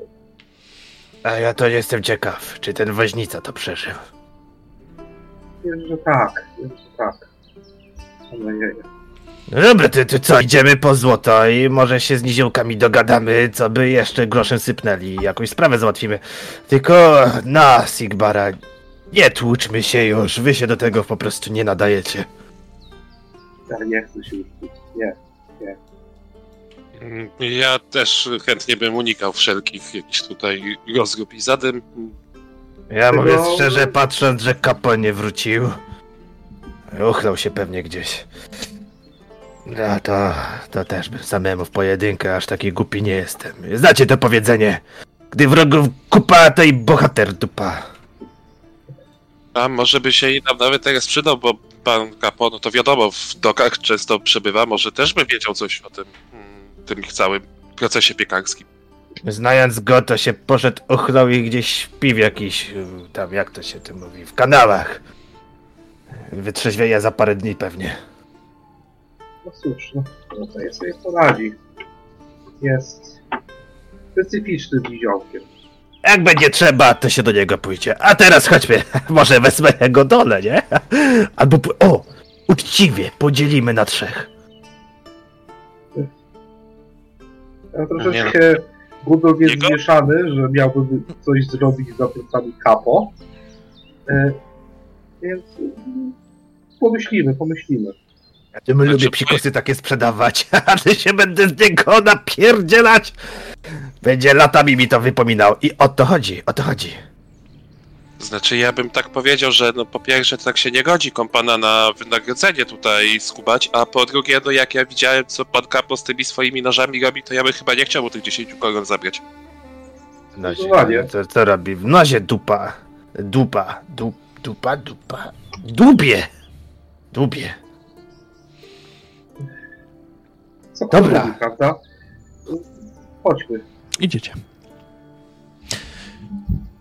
Widzicie w końcu waszej wędrówki w stronę doków, w stronę Ostendam, w stronę jednej z dwóch jednej, jednej z dwóch przystani, dwóch nabrzeży, ogromnych nabrzeży na rzece Bygen. Rzece, która rozdziera miasto na dwie części. Na południową, dużo większą, i na północną, która, mimo że rzeka jest naprawdę szeroka w tym miejscu, to ta północna część rzuca się wam w oczy jako siedliszcze biedoty. Domy są tam podniszczone, rozpadające się wręcz i raczej żaden z was, niezależnie od tego, kim jest i jaki stan sobą reprezentuje, nie chciałby tam przebywać dłużej niż to konieczne. Ale na szczęście wy jesteście na Ostendam, na tej lepszej, lepszej przystani. Widzicie przycupnięty nad brunatnymi wodami rzeki Bygen lichy, mały budynek, który swoje najlepsze lata ma już dawno, ale to dawno za sobą. W ścianach widać pęknięcia, widać szczeliny, przez które gwizdże wiatr, a strzecha dachu miejscami już się porozpadała i przez powstałe wyrwy w środku gospody z pewnością leje się deszcz. Budynek pomalowany szarą, łuszczącą się już farbą, od frontu widzicie, że wymalowano na nim duże czerwone B. Gospoda nie ma okien, a jedynie niewielki ganek i framugę frontowych drzwi. Niedaleko gospody jakiś stary pijaczyna głośno wymiotuje do rzeki. Słysząc wasze kroki, odwraca się i wyciera nos i usta ubrudzone w rękach. Mrużąc oczy, przypatruje się wam przenikliwie. Widząc, że idziecie prosto na niego, w końcu się odzywa. I no dzień dobry. A dzień dobry, dobry człowieku. Czy widziałeś może w tym szczypiotku dwóch niziołków? Nasi kompanii poszukujemy ich. W tej ruderze? No Tak, tutaj. Gdzie, w dupie? Tutaj mieli być, tak? U Berta jesteśmy. A, no, do niejakiego Berta należała kiedyś ta rudera. Ta gospoda taka była, to pamiętam, ze 30 lat temu, panie kochany. Była? No teraz to, to stoi takie ro- rozjębane, jakbym mógł powiedzieć. Oj, No, mówiłem nas, mówiłem wam, że nas w konia zrobili. Cholera, przeklęci niziołcy, nie ufać mi.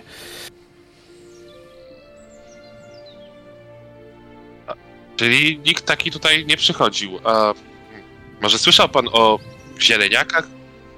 Gdzie ich zastać można? Nie, ja żem nikogo nie widział. Ja kłopotów nie chcę mieć, także szanowni panowie, wybaczą, szanowanko, się będę zbierał. On próbuje sobie boczkiem, boczkiem gdzieś tam przejść. Ale widzicie, że z Ola, jego ola, ola. wnętrznościami nie jest zbyt dobrze, bo znowu się zatrzymuje i To, pa- panie, wszystko w porządku? A no dobrze, jest wszystko dobrze. No Właściwie to nie bardzo. Może pana coś cierpi. No, na braki pewne cierpię. No, To pewne pieniędzy. e, alkoholu przede wszystkim. Alkoholu. No dobry Człowieku, ty masz tu się napij, może sobie przypomnisz, gdzie dwóch niziołków znajdziemy.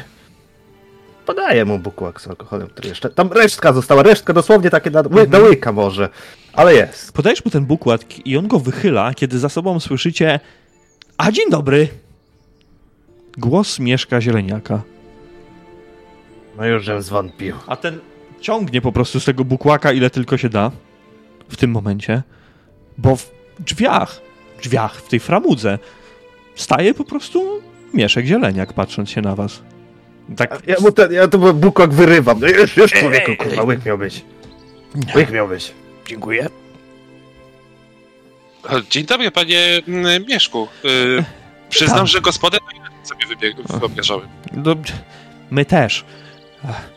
Spójrzcie tylko, jak okrutny jest nasz los. Zostaliśmy zmuszeni do ukrywania się w tej parszywej budzie, a nasi prześladowcy z pewnością jedzą sobie teraz jakieś smaczne ciasteczka i śpią na puchowych podusiach. Mm, Gdyby od tego nie zależało nasze życie, nie wytrzymałbym ani chwili dłużej. Wejdźcie, przyjaciele, wejdźcie. I on znika w ciemnościach tej gospody. Ja krew. Ale rudera. Tu to No nie co- każdego stać na posiadłości tak jak panią Elis, więc Chyba raczej oni chcą się ukryć i nie rzucać się w oczy, więc no cóż, przyszliśmy, no to wejdźmy. tak, no to już wiadomo. Do środka. Mhm. No, czas rozrachunków. W środku ta gospoda wcale nie wygląda lepiej. Podłoga jest już wypaczona od wilgoci, niemalże pofalowana, a miejscami z desek wystają jedynie gwoździe. Pod ścianami rozrzucone są resztki połamanych mebli. E, ktoś z pewnością mm, zwykł tutaj przebywać, ponieważ na, e, na blatach już zauważacie, że ostrzem sztyleta powycinano różne bluzgi, obelgi, jakieś inicjały powypisywano, no i takie nieprzyzwoite, standardowe obrazki także mają już swoje miejsce. Nikt, y, nikomu z was nie, nie, nie umknęło to. W rogu przypłyty, przykryty płaszczem śpi jakiś mężczyzna, a na barze siedzi sobie niziołek Knotek. Uśmiecha się na, dasz, na, na wasz widok. Ale odzywa się Mieszek. Knotek, no już, zabierz się za odliczenie nagrody dla naszych bohaterów. Ah, konkurencja. Ciągle tylko wyciągają po nas swoje macki. Wybaczcie, że nie oferuję wam mm, gór złota, ale naprawdę nie powodzi nam się ostatnio przez akcję Rady Miejskiej. Z uwagi na... Słucham? Panie Mieszko, tak przepraszam, tak się wtrącam, ale tutaj też ja chciałbym przeprosić za tą podejrzliwość, bo jak powiedziałem, bo faktycznie jak mówił pan prawdę. Mówił pan prawdę, faktycznie to, to nawet nie istnieje. No, oczywiście, że To tak. jest, tylko, tylko wie pan, przecież może pan zawsze uzyskać zezwolenie na prowadzenie działalności Oj, e, obwoźnej. ja wiem, ja wiem, że tak.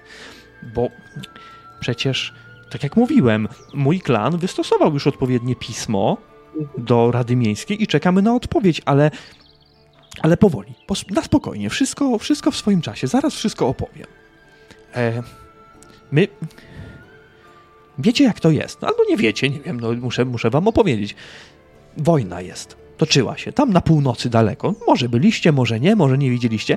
No i z uwagi na tą toczącą się wojnę i spadek popytu, popyt, wiecie, kojarzycie, tak? Roz, rozumiemy się, że ludzie chcą i, i, O, py, py, py, py, py, py, py, py, py. No, i on macha ręką, tak jakby nie, nie przejmując się tym, że, że, że zacząłeś to dukać.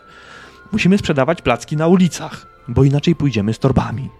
No bo ludzie będą głodni, no tak. Dokładnie. E, Rada miasta pozostaje nieugięta, więc grozi nam po prostu bankructwo. No i do tych placków, kurwa. No placki jak placki, Nie, tak. dobre. Z jagodami, z malinami, no. No, Dobre różne, placki. Różne. Więc. Tak? Nie, mów, mów, mów, kontynuuj. Więc no, y, nie zamierzamy się poddać. E, Tydzień temu, zanim zostaliśmy porwani i zamknięci w tej klatce, z której nas wyciągnęliście, złożyłem na ręce Rady y, petycję o unieważnienie tego haniebnego dekretu. Wygłosiłem też mowę w obronie naszych praw. I porwanie nastąpiło ledwie kilka godzin później, co sugeruje, że nastąpiliśmy na odcisk potężnym wrogom. Jak już zresztą mówiłem, mm, obstawiam, że za naszym porwaniem stoi albo Ruckbroder, albo Steinhager. I gdyby udało nam się zdobyć jakiś dowód na to, że wpływowa rodzina kupiecka działa poza prawem, mielibyśmy mocne karty przetargowe w dalszych negocjacjach w Radzie, prawda? I to jest właśnie moja prośba do Was. Dlatego chciałem Was tutaj zebrać i porozmawiać z Wami, bo my, niziołki, chcąc nie chcąc, zwracamy na siebie uwagę. Lecz Wy, no, ludzie, zapewne moglibyście skutecznie, nie wiem, śledzić obydwu panów, być może podsłuchać, może spotykają się z jakimiś bandytami, aby uzgodnić kolejne porwania lub, mm, nie wiem, zdradzają nasze miasto w jakiś inny sposób. Oczywiście, oczywiście, od razu mówię, bo ja już widzę, jak pan się patrzy, on pokazuje palcem na Gerolfa, nie ominie was żadna nagroda. Myślę, że możemy wysupać drugie tyle, co za dotych- dotychczasową pomoc. Ogie tyle? Znaczy, że... Dziesięć. Jeszcze 10, tak. No, panie Mieszko, żeś mnie kupił. Hmm. Gerolf Kun, na pańskie osobiste usługi. Ale w szpiegowanie e, kupców, kurwa, z moją mordą może być ciężko. Nie, akurat tutaj sądzę, e, sądzę tutaj Geralcie, że przyda się. Zresztą jak pan Mieszko wie, to Steinhagerzy żyją przede wszystkim bardzo dobrze z dokerami i z woźnicami, a dokerzy w porcie O, to to. często y, urzędują, bo to jest ich miejsce pracy naturalne, więc no, tu oni, raczej nie, nie lubią kwiecistego języka, tylko no, proszę wybaczyć, tylko prostą mowę, o. Prostą ludzką mo- mowę. To język jest po to, żeby się nim posługiwać i gadać, a Dokładnie. nie cudawianki wywijać. Zastanawiam się. Tak, no wojna, faktycznie. No to No, się moje- moje- wojna. moje, moje przypuszczenia bardziej w kierunku Rydbroderów, bo oni tam bardzo mocno zyskali. Oni przecież byli najbiedniejsi. Prawda byli to. najbiedniejsi w całej, z całej tej rady i w wyniku tej wojny bardzo, bardzo mocno zyskali. A Ale co im na tych A, przepraszam, plackach?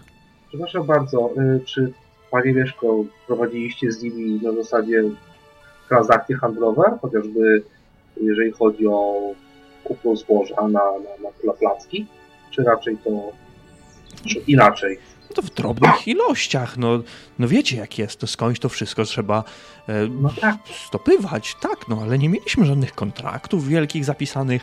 E, poza tym e, wiecie jak działa e, tutaj polityka w Bygenhafen, tak? Wiecie jak to, jak to wygląda, czy, czy mam wam przedstawić? Ale co Może wiemy? od strony, od strony takiego kupca byśmy prosili o takie życiowe przedstawienie sprawy. Bo wiadomo, człowiek słyszy różne rzeczy, ale nie do końca mogą być to prawdziwe. Takie- No to pos, posłuchajcie mnie w takim razie. Bygenhafen to miasto kupieckie. No co prawda baronia rodu von Saponatheim e, sprawuje tutaj baron sprawuje pieczę nad, nad wszystkim, ale baron Wilhelm nie wtrąca się bardzo w politykę miasta. Jego interesują tylko wpływy z podatków, mieszka sobie w Grauenbergu na północy i to tyle. Czasem tylko wpada do, do miasta, bo to życie go nuży. Więc rządy w mieście sprawuje Rada Miasta. 15 ich jest. No i to będzie tak. Pięć miejsc należy do gildii kupców. Jedno zajmuje przywódca gildii. Drugie dla członka rodziny Magirius, najbardziej wpływowej z pomniejszych rodzin. To ta panienka Elis. Ona z rodziny Magirius pochodzi. Trzy No należą do rodów najpotężniejszych: Hagen, Steinhager i Rugbroder. Jeden należy do przedstawiciela świątyni Sigmara. Pięć dzielonych między gildie. I to jest tak: medyków, krawców, woźniców, dokerów, no i grabarzy. Y, Jedno miejsce dla przywódcy Stowarzyszenia Pozostałych Cechów, y, cieśli, kołodziei, złotników, kowali i kamieniarzy. No i do przegłosowania wszystkich edyktów wystarczy większość głosów. No i jak sami rozumiecie, do uzyskania ośmiu głosów wystarczą głosy samych kupców.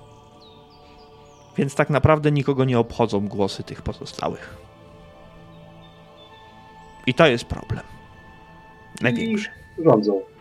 No tak, Rządzą miastem. no tak. Ja, ja, ja kiedyś słyszałem takie słowo mi tam znajomy podpowiedział, co się upił, o polityce gadał. Ja- Jak to było? Korupcja. O, Że korupcja się szerzy w mieście. O, każdym gdyby to to tylko całe imperium to jest jedna wielka korupcja, proszę pana. No to już panu powiedzieć. To, to nie, ma, nie ma co tutaj wrzucać fałszywymi oskarżeniami, chociaż jest to dosyć popularne zjawisko. Wracając do tematu. Cóż, jak zapewne, panie Mieszko, ma pan jakieś potencjalne tropy, Oj, oczywiście. warto byłoby zacząć. Jeśli, jeśli się zgadzacie, to musicie wiedzieć, że wyświadczacie klanowi zieleniaków olbrzymią przysługę. Od czego byśmy mogli zacząć? Tak, Gosbert Rigbroder. On pójdzie na pierwszy ogień. On zaciera ręce wręcz. Zazwyczaj opuszcza dom późnym rankiem. Proszę, pochodźcie trochę za nim, pokręćcie się, bo Heinrich Steinhager wróci do miasta, z tego co wiem, dopiero jutro, więc nim zajmiemy się później. Mieszek zaczyna, odwraca się na chwilę, poczekaj tylko, skończę. Mieszek odwraca się na chwilę i zaczyna coś bazgrać na, na kartce papieru. Następnie odwraca się i podaje w waszą stronę kartkę. Ja biorę ją. Na kartce jest zapisany adres w dzielnicy Adelring, czyli w dzielnicy najbogatszych kupców. To adres Rugbrodera. Jeżeli dowiecie się czegoś użytecznego, wróćcie. Będziemy tutaj. Ja albo mój kuzyn będziemy na was czekać.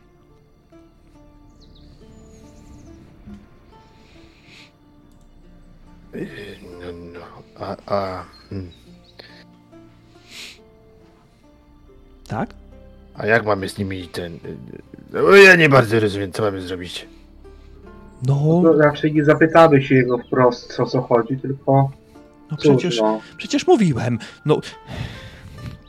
Mm, Pochodzić Nie, trochę za nimi. Mieszko, spokojnie. Popa- ja jestem Spokojnie. spokojny. Pochodzić troszeczkę, popatrzeć, posłuchać, zobaczyć z kim się spotyka, jakie tam kontakta nawiązuje.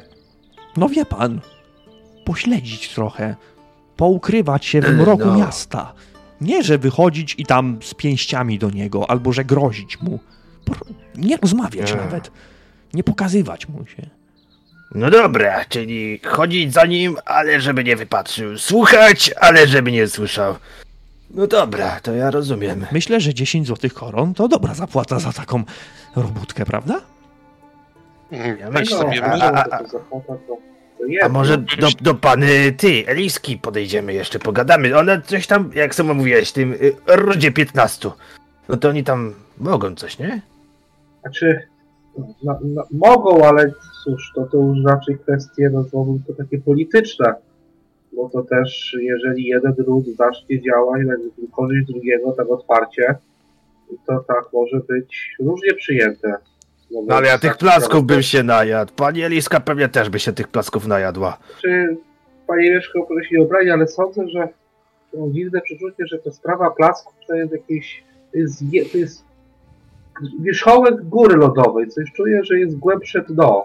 Też tak tej myślę. sprawy, Bo, bo jest to zastanawiające. Czemu już pomijając Uwaga. fakt, że, zakazu, że zakazują tam handlu pie, tam na straganach, czy tam po prostu handlu woźnym plackami, ale ogólnie zakazali, poza świętami. Jakby chcieli dyktować ceny, a wiadomo, że święta ceny zawsze się zawyża. On się patrzy na tak, ciebie, tak. on się patrzy na ciebie przez chwilę. Pan z jakiejś rodziny kupieckiej jest? Y, Dużo się, dużo czytam. No to wiadomo, no, czy to człowiek coś tam, no, trzeba jak się żyje w tym mieście, to musi wiedzieć, no. Też Mądrala jest, przyjdzie- mądrala! Przy, przyjdzie czas, że i ja będę musiał, no, z gildiami funkcjonować, do gildii się zapisać, prawda? Znaczy jestem zapisany też jako pełnoprawny aptekarz, ale no, coś tam mój mistrz przekazuje mi. Nie wszystko, bo nie wszystko, ale jakieś te realia są.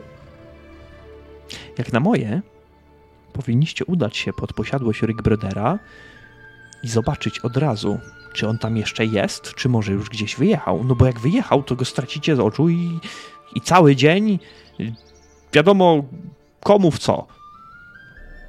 W dupę! Dobrze. W dupę! to się umówimy, że no postaramy się go pośledzić przez ten jeden dzień. Albo wieczorem przyjdziemy, albo następnego dnia samego rana. Zobaczymy, bo to wiadomo, po zwierzchu niebezpiecznie. Erasmus, a ty żeś kurczę języka w dupie zapomniał? No powiedz, co żeś ty o tym myślisz.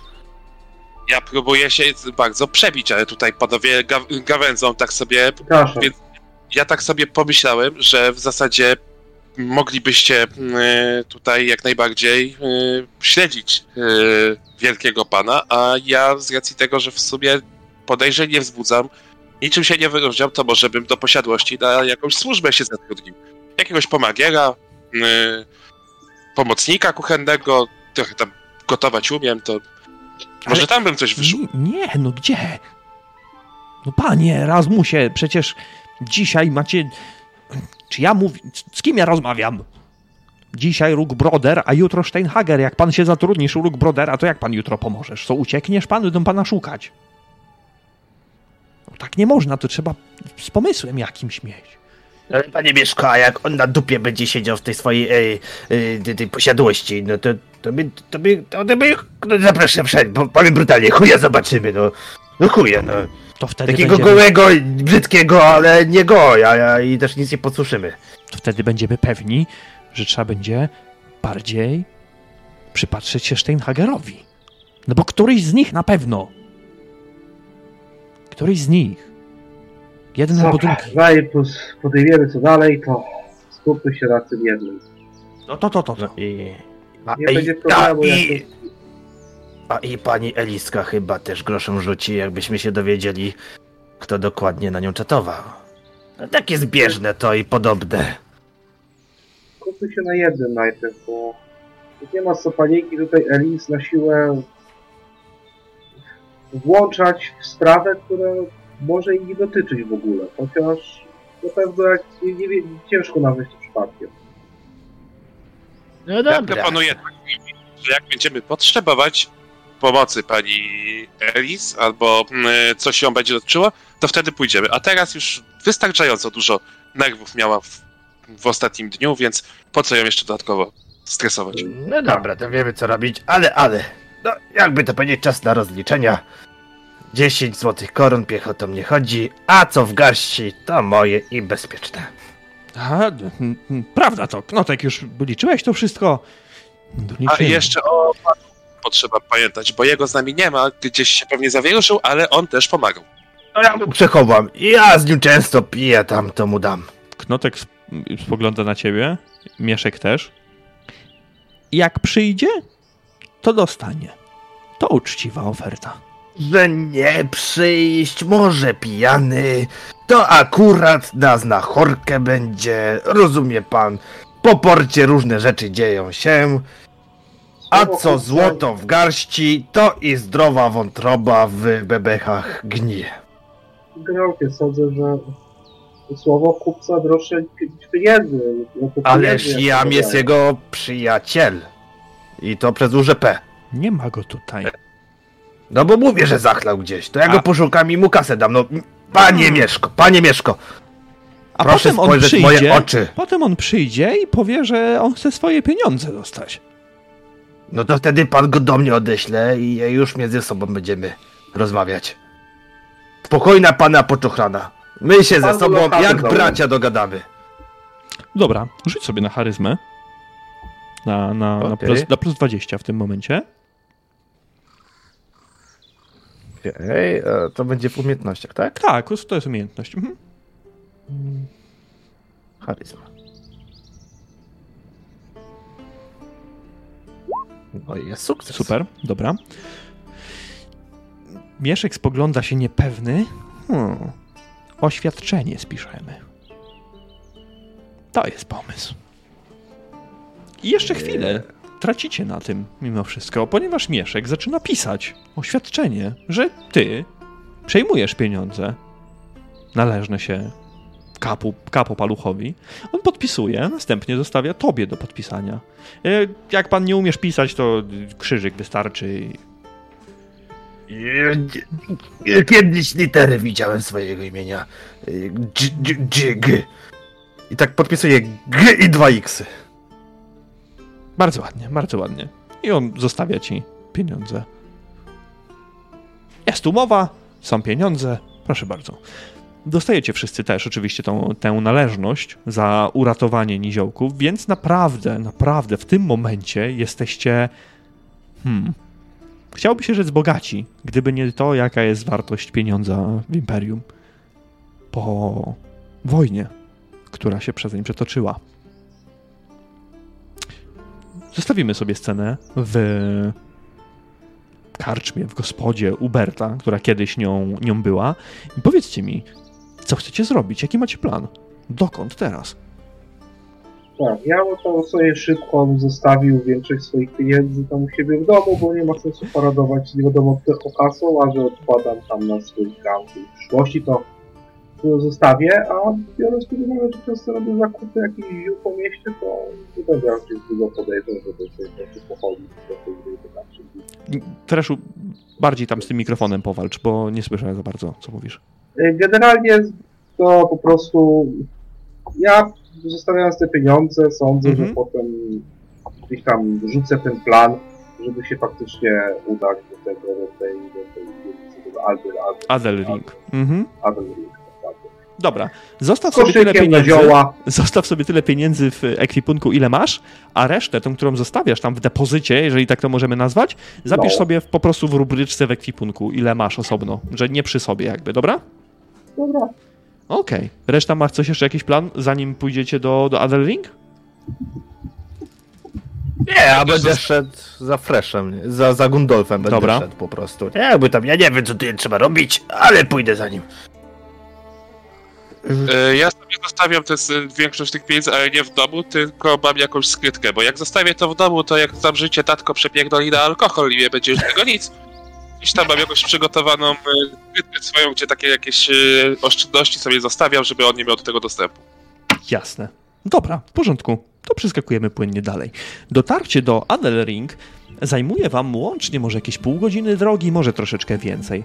Przeciskanie się pomiędzy pracownikami wiecznie zatłoczonego nabrzeża, następnie podróż w stronę bramy wschodniej, to istny bieg z przeszkodami. Kiedy tylko czujecie, że natłok zelżał, w chwilę później przedzieracie się przez dzielnicę świątynną. Z jednej z kolumn spogląda na was postać mężczyzny przypominającego rybaka. Wiecie, że musicie dotrzeć na czas tak naprawdę. Wskazówek jak na lekarstwo, a jeżeli dotrzecie na miejsce za późno, ryk Brodera będzie można szukać niczym wiatru w polu. Niebo ciemnieje od burzowych chmur. Kolejny raz, tak samo jak i wczoraj, gdy docieracie w końcu do najbardziej prestiżowej i zamożnej dzielnicy Bygenhafen. Adelring to szeroka aleja okalająca ogromny park znajdujący się w mieście. Od razu widzicie, że przy tej drodze usytuowano rezydencje najbogatszych ludzi w mieście. Dużo bogatsze niż ta posiadłość e, Elis Magirius. Aleja jest czysta, ale przede wszystkim jest pusta. Jedynie nieliczni służący śpieszą ze swoimi obowiązkami tutaj. Każda rezydencja odgrodzona jest kamiennym murem z pojedynczą bramą, przy której ustawiono dwie kolumny z herbami danego rodu. Pod rezydencję Broderów, kierując się adresem zapisanym na kartce przez Mieszka Zieleniaka, docieracie w momencie, gdy odźwierny otwiera szeroko bramę. W chwilę później przejeżdża, wyjeżdża stamtąd, ciągnięta przez dwójkę koni karoca i skręca ona w stronę, z której właśnie przyszliście. Jedzie ona dosyć wolno, naprawdę wolno, pomimo że droga nie jest wyboista. Ale dotarliście w tym momencie, jeszcze e, wliczając właśnie to, że chcieliście zostawić pieniądze w jakichś skrytkach i tak dalej, docieracie właśnie w momencie, kiedy ta karoca wyjeżdża i rusza w stronę miasta. Mhm. Myślę, że przynajmniej tutaj Gundol nie będzie szedł w stronę tego wozu, tylko gdzieś tam zatrzyma się, gdzieś tam sobie rzemień poprawi na bucie, tak żeby ten, ten wóz mógł nas karoca mogła sobie na spokojnie przejechać i żeby za nią się finalnie udać. Biorąc pod uwagę, że jedzie zbyt szybko, to jest szansa, że na spokojnie będziemy w stanie podążać ich tropem. Oj tak, bez problemu, na pewno.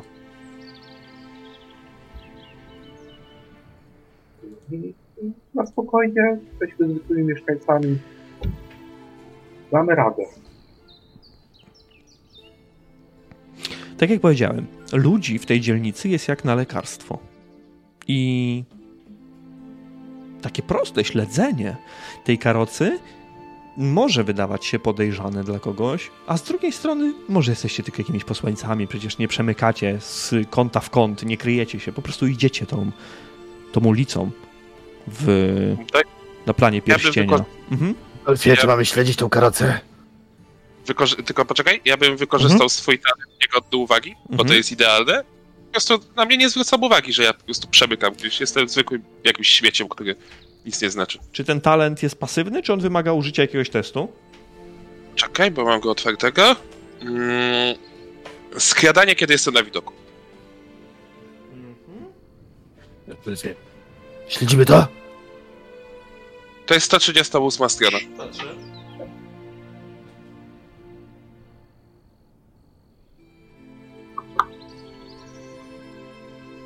Dobra, w tym momencie nawet nie musisz rzucać. Ty, ty wiesz, co robić tak naprawdę, Erasmusie, żeby się wtopić w otoczenie, które no, nie jest tutaj zbyt hmm, liczne, że tak powiem.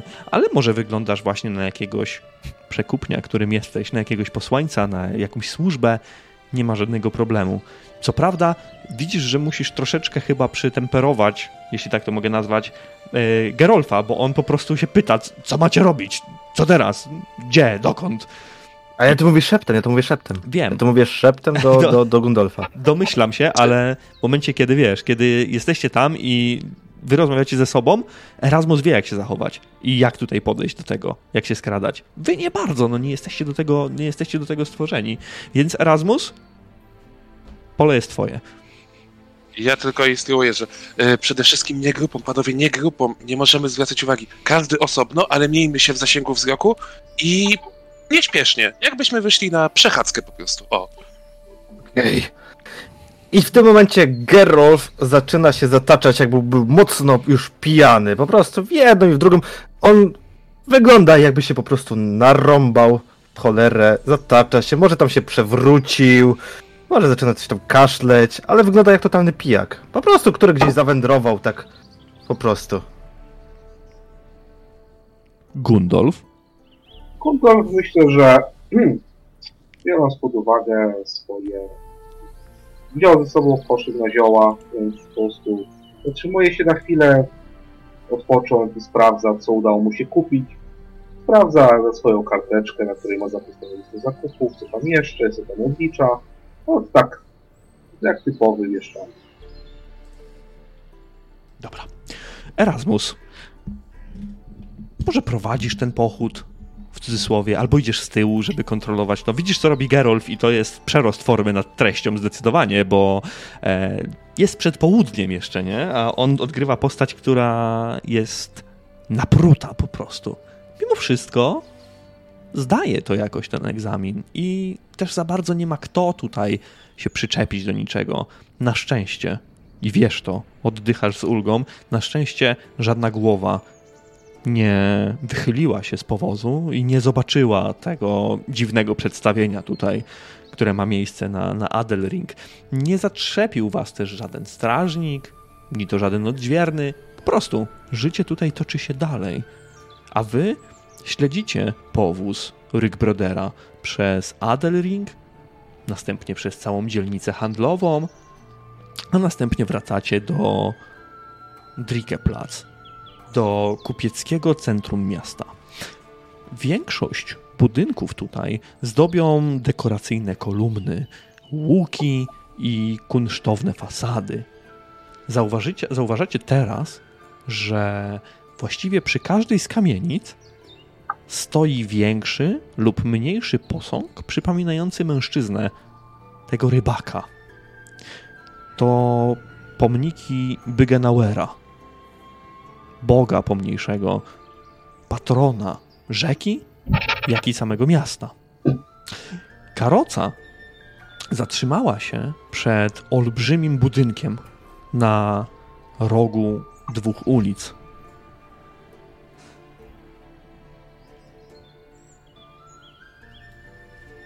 Mężczyzna, prawdopodobnie Rick Broder, tak, około 40-45-letni, wysiada z powozu, z karocy, która nie odjeżdża nigdzie, a on ubrany w dość gustowny płaszcz i futro, w czapkę z piórkiem, wchodzi do tego, do tego budynku i znika w nim. Jestem w stanie określić, co to jest za budynek. Jest to centrum handlowe, więc handlu w zasadzie. E, tak, oczywiście, bez żadnego problemu. Jest to budynek gildii kupieckiej.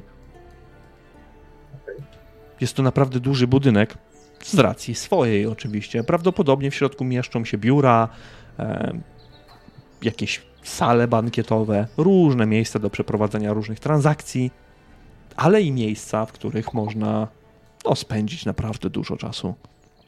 Z waszej perspektywy. Ci ja ludzie, tak przystanąłem obok Gundolfa.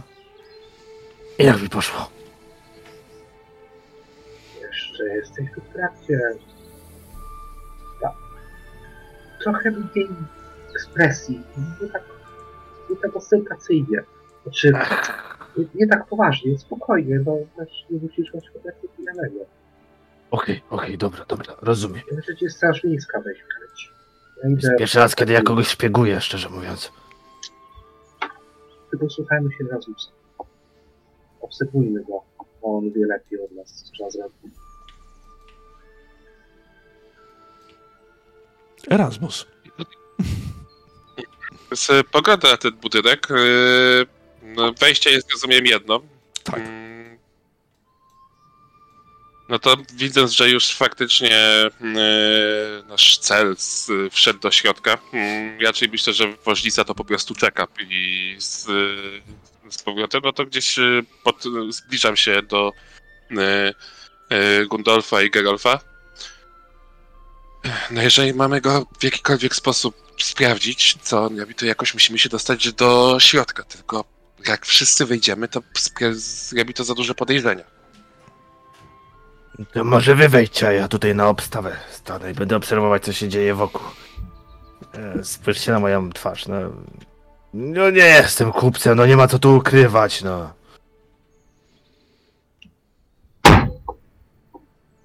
Gundalfie, ty mówiłeś u pana Mieszko, że ty masz jakieś powiązanie z gildią kupiecką. To w zasadzie, Znaczy to jest Żeby to dużo powiedziane, no, no jak znaczy nie, ja nie leżę, nie mam powiązań z Gildią Kupiecką, jeżeli o to chodzi. Tu, cóż, nie jestem kupcem, jestem po prostu, należę do cechu aptekarzy, znaczy będę należał, więc raczej tutaj gildia medy, medyków chyba bardziej byłaby uzasadniona. Ale wysławiasz się jak kupiec. Pamiętam jak no, no, z Mieszkiem gadałeś jak równy z równym. Masz gadane, no. No to Gundolf. tak, ale z drugiej strony mają to i dopiero wszystko w rejestrach, więc na pewno mogą nie kojarzyć, więcej niż prawda. Chociaż z drugiej strony mógłbym się zapytać o jakieś założenie działalności, jak to wygląda. Nie wiesz czym jestem po, po, po, po, popyt i tak dalej. A Erasmus to już w ogóle tutaj widać, że te klocki yy, no, no chwyta je no i wie jak ułożyć. Myślę, że we dwójkę tam będziecie jak znalazł. To zrobimy tak, może my z Erasmusem wejdziemy, Erasmus ty będziesz próbował obserwować y, cóż, pana Rygbrodera, a ja gdzieś tam zapytam się tak ogólnie, w jaki sposób założyć działalność i tak dalej. A ja będę siedział tutaj i patrzył jakby któryś ktoś wybiegł, to będę obserwować. No, no to żebyś za mnie wybiegł, bo wtedy będzie źle. No dobry, ubi, masz rację. Dobrze, ja proponuję, śpieszmy się, bo za chwilę Tak, nawet nie będę słuchiwać. Sprawiam. Ja też mocniej kape- kapelusz nakładam, żeby zupełnie się nie rzucać w jakikolwiek sposób w oczy. Masz, yy, Gretel, potrzymaj tutaj moje, mój koszyk z ziołami. Nie jest ich, bo ty skończysz. Biorę ten kosz i idę za... Ja mówię do. Nie, Ger- Gerolfowi to O, zos- Gerulf poszedł. A nie, bo myślałem, że ja z, z Nie, nie, nie, w sensie tak, żeby bez tego koszyka, nie? Tak, tak. Gerulf, tak tylko ci, bo cię chyba nie byłem, mówiłem. E, Tylko daję ci swój koszyk z ziołami, tak żebyś przetrzymał je. E, Mhm. Bo nie ma sensu, żeby z nimi chodzić do. Idziemy. Rynek tętni życiem. Kramy z jedzeniem otwierane są nawet tutaj, a pora dnia zachęca do wrzucania czegoś na szybko, na ruszt. I mówię to w stronę Gerolfa zdecydowanie. Przechodnie dyskutują tutaj zawzięci o polityce i innych poważnych wydarzeniach mających wpływ na życie imperium. No oczywiście, taka to dzielnica. Dzielnica urzędników, kapłanów, ludzi uduchowionych, nie w smak im plebejskie rozrywki. Dlatego też nie uraczysz tutaj kramów rzemieślników, ale rozglądając się po tym placu, kiedy twoi towarzysze już odeszli, zauważasz po drugiej stronie szyldem zapraszający w, swój, w swoje progi mały wyszynk o nazwie Wesoły Kupiec. Przecież jakbyś wstąpił tam na jednego lub dwa i siedział przy oknie, wszystko zobaczysz. Ale zostawiam to tobie do, mm, do decyzji. To rzeczywiście jest dobry pomysł. Mhm. Widzę to. No jest okno, nie? No, Może w towarzystwie kieliszka bądź dwóch. I, i idę w stronę tego właśnie szynkwasu. Dobra. Ale tak, żeby mieć y, widok. Siadam tak, żeby mieć widok na całe, całe wejście. W razie co? Jak najbardziej, tak jak powiedziałem. Jakieś miejsce przy okienku się znajdzie. Jakieś pieniste też. Nie będzie żadnego, żadnego problemu. Miejsce może nie pęka w szwach w tym momencie, bo jest dość wcześnie. Jednakże widzisz, że to wnętrze to nie jest taki typo, to nie jest taka typowa speluna, w których zwyk, zwykłeś bywać. Na stołach, stolikach wręcz przy których mogą usiąść dwie, trzy osoby. Ponakładano obrusy. Stoją tam jakieś wazoniki z kwiatami, ale nikt się na ciebie krzywo nie patrzy. Ludzie dyskutują ze sobą, spotykają się, rozmawiają, jedzą coś. zamówienie piwa czy czegoś innego mocniejszego nie jest żadnym problemem, więc zasiadając sobie przy okienku, będziesz mógł obserwować cały plac, rozkoszując się trunkiem. Panowie, wy zatrzymujecie się przed fasadą tego ogromnego bądź co bądź budynku kilkupiętrowego. Schody rozchodzące się, z, roz, zwężające ku górze są przed wami. Bielone wręcz. Nie wiadomo czym do końca, ale mają biały kolor. Spoglądacie na duże drzwi. Jedno skrzydło jest otwarte, więc nie będzie trzeba się szarpać z nimi. Nie ma tutaj żadnych odźwiernych, nie ma żadnych strażników. Miejsce wydaje się być łatwe do sforsowania. Jest tu za... Najzwyklejsi w świecie petenci. Mhm. To nie się nastawiał. Hmm? Przekraczacie próg tego budynku i rzuca wam się w oczy to, że wnętrze jest równie gustowne i kunsztownie urządzone jak zewnętrzna fasada. Na licznych tabliczkach rozpisany został plan całego budynku, a swoje miejsce za kontuarem zajmuje ktoś w rodzaju recepcjonisty. Młody jegomość z ulizanymi na bok włosami, ubrany w brązową liberię, poprawia kołnierzyk na wasz widok. Szanowni panowie? Dzień dobry, ja nazywam się Gundol i Kal- Kaltenbach i chciałbym się zapytać, w którym miejscu mógłbym się zapytać o szczegóły, jeżeli chodzi o założenie działalności. Yy, założenie działalności. Już w porządku, niech tylko sprawdzę. I zauważ, że, grzebać w jakimś rejestrze. Yy, jakaś konkretna działalność pana interesuje? Myślę, że taki ogólny handel, chociaż sądzę, że przy odpowiedniej osobie to tam dowiem się szczegółów bardziej. Yy, Chyba, że to jest uzależnione od, działa- od rodzaju działalności. to w zależności, co pana interesuje, czy jest to bardziej yy, metalurgia, czy jest to rzemieślnictwo. Tutaj widzę, yy, musi pan wiedzieć, że handel obwoźny w mieście został zakazany yy, edyktem. Może pan się zapoznać z tablicą znajdującą się za pana yy, No nie, plecami. nie, to ja, ja, ja handlem obwoźnym nie jestem zainteresowany. Zresztą Mhm. O, tutaj, y, no, tak jak widzę, w zależności, drogi panie, y, od y, specjalizacji możemy podać różne terminy spotkań. Ym, najwcześniejsze przypada za dwa dni. Ym, no to, to zależy. A pan, w czym mogę panu pomóc? Może też coś znajdę przy jest- okazji. Nie, to jest mój towarzysz. Tak bardziej chcemy razem założyć działalność i tak jestem tutaj osobą, która bardziej zajmuje się taką papierologią, nazwijmy to, Hmm. więc jakby nasza dwójka. Najlepiej byłoby mieć jakiegoś patrona spośród rodów kupieckich, wie pan? Tak, tak sobie myślę, e, umówić się na jakieś spotkanie e, i przedyskutować. Bo, no bo wie pan, w zależności od tego, e, czym pan by się chciał zajmować, no to zgodę musi wyrazić na to ktoś z ważnych rodów kupieckich zasiadających w Radzie. Czy tak rozumiem, tylko bardziej chciałem się zapytać coś na zasadzie hmm, biura informacji. Y, Witam, E, jestem posz- tutaj. A, to pan się tym zajmuje. Myślałem, że myślałem, że są inne jeszcze osoby. Myślałem, że to pan, przepraszam, może nie. Źle tutaj e, domyśliłem się, że pan Czy- zajmuje się tym rozdzielaniem tutaj petentów. Nie, nie. Ja zajmuję się informacją.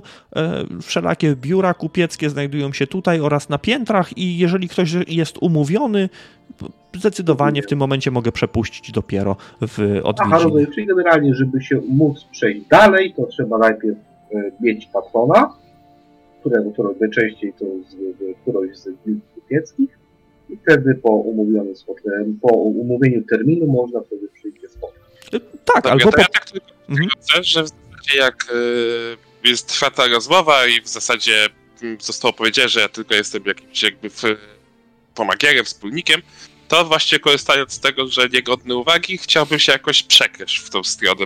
Że tutaj jest zagadany ten recepcjonista, to po prostu Dobra, tak jak stoi, zniknąć. okej, to tutaj już musimy sobie rzucić. E, Erasmusie. Teraz już tak, tak e, bez testu nie pójdzie. E, To będzie skradanie, tak? Z tego, co mówiłeś? Tak? Eee, Dobra, to skradanie na plus 20 będę ciebie prosił, w związku z tym, że jest zagadywany tutaj przez Gundolfa.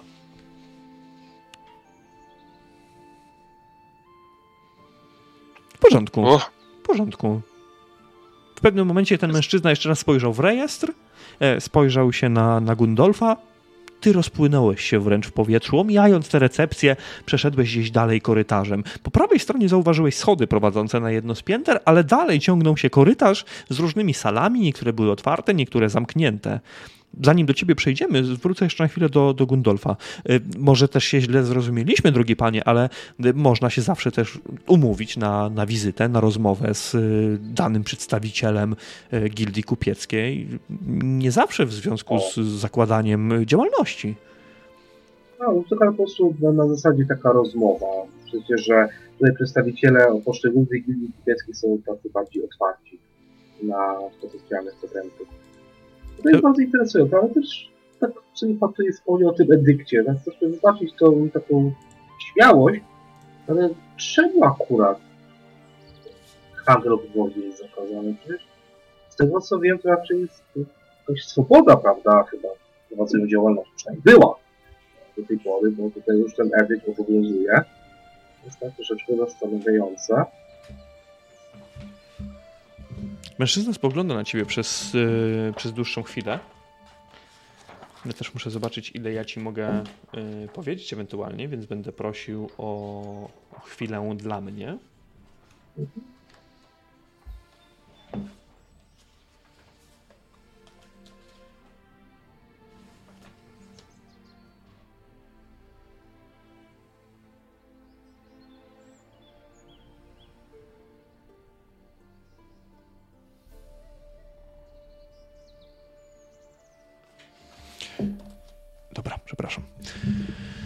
Mężczyzna spogląda się na ciebie. E, Handel obwoźny w tych trudnych czasach stał się plagą. Ojoj, aż tak źle było? Nie, nieusystematyzowany, niesankcjonowany. e, Uderzył bardzo mocno w interesy gildii kupieckiej. Niektóre stragany z różnymi towarami można było w pewnych momentach spotkać niemalże na każdej ulicy. I kupcy poczęli odczuwać ogromne straty wynikające z tego. Tak, to jest, nie ma nic gorszego niż straty właśnie. Dokładnie. Teraz, teraz rozumiem, teraz rozumiem tą mądrość tutaj e, Rady Miasta, która słusznie zakazała handlu powinna, ale chyba z tego co tak patrzę, to chyba trzeba mieć zezwolenie, prawda? Żeby móc Powinno się mieć zezwolenie. Oczywiście Rada Miejska zastrzegła sobie możliwość wystawiania specjalnych pozwoleń. Rozumiem.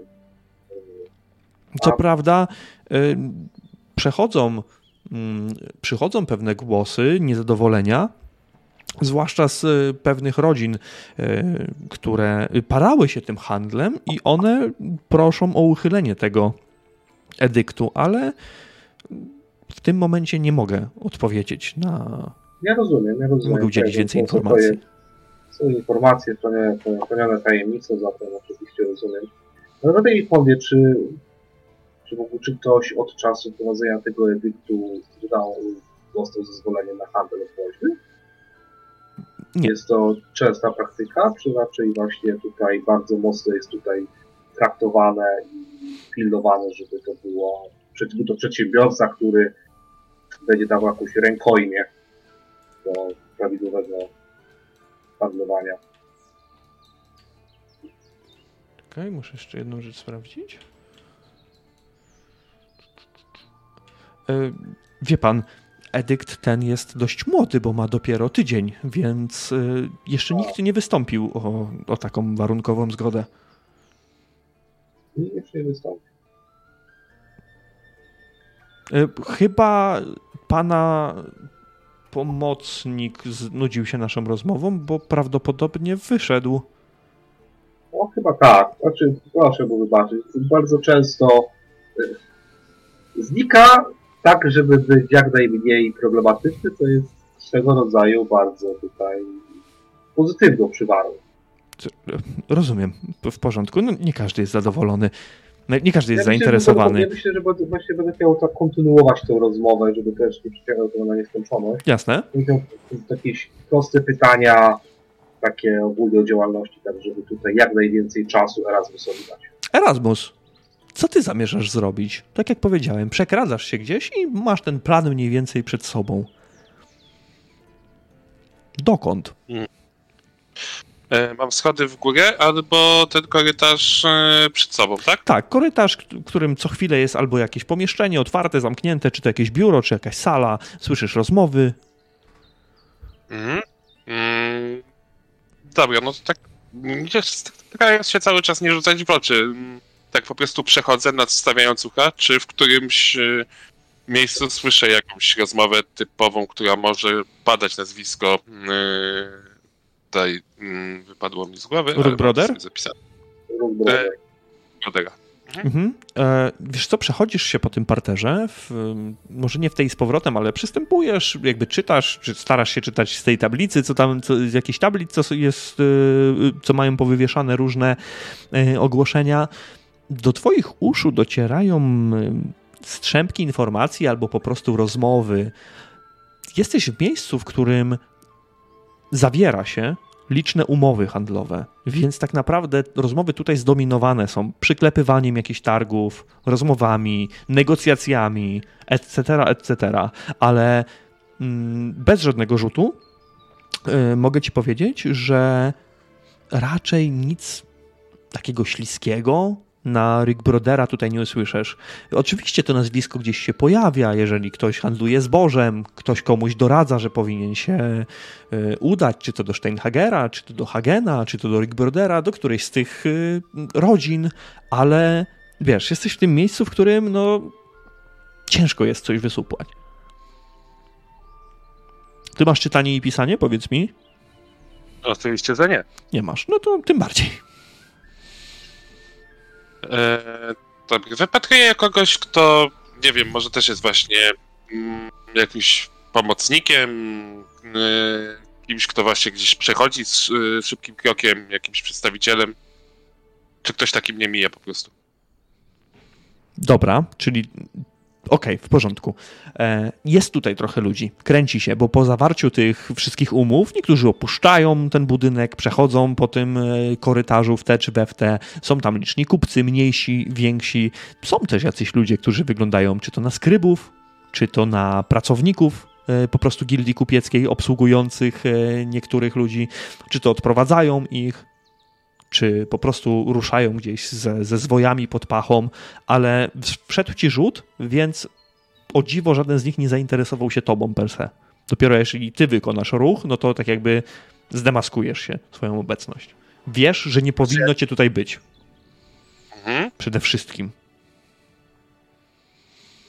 Jesteś, ty Mhm. jesteś przekupniem, więc coś z tymi, z tymi kupcami masz wspólnego. E, przedostałeś się tutaj, słyszałeś rozmowę z e, Gun, Gundolfa, z tym recepcjonistą, jeśli tak go mogę nazwać. Tutaj mogą, mogą przejść dalej dopiero ludzie umówieni na konkretne spotkanie, umówieni do kogoś. Więc to teraz to, to nie zagra tak, że teraz ty kogoś zaczepisz i powiesz, ej, prowadź mnie tam i on cię tam zaprowadzi. Wiesz, że to nie ma racji bytu. Mhm. No dobra, to korzystając cały czas, że mm, nikt mnie nie dostrzega, Mhm. to parter sprawdzony, nic mi się nie rzuciło w uszy, zostaje piętro. Dobra.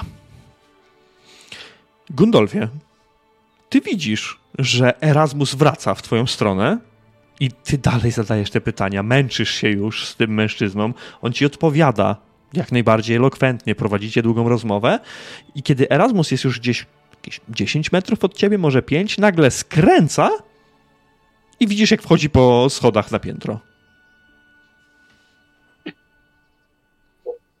Wręcznie Gundol się załamał, ponieważ brakuje mu już pytań, które mógłby zadać, pytań ogólnych, które mógłby dalej zadawać. Mhm. Więc będzie próbował, nie wiem, czy może jakieś ma broszurki, które informują takie ogólne informacje, jak prowadzić działalność, coś, co można było przeczytać, albo coś do wypożyczenia.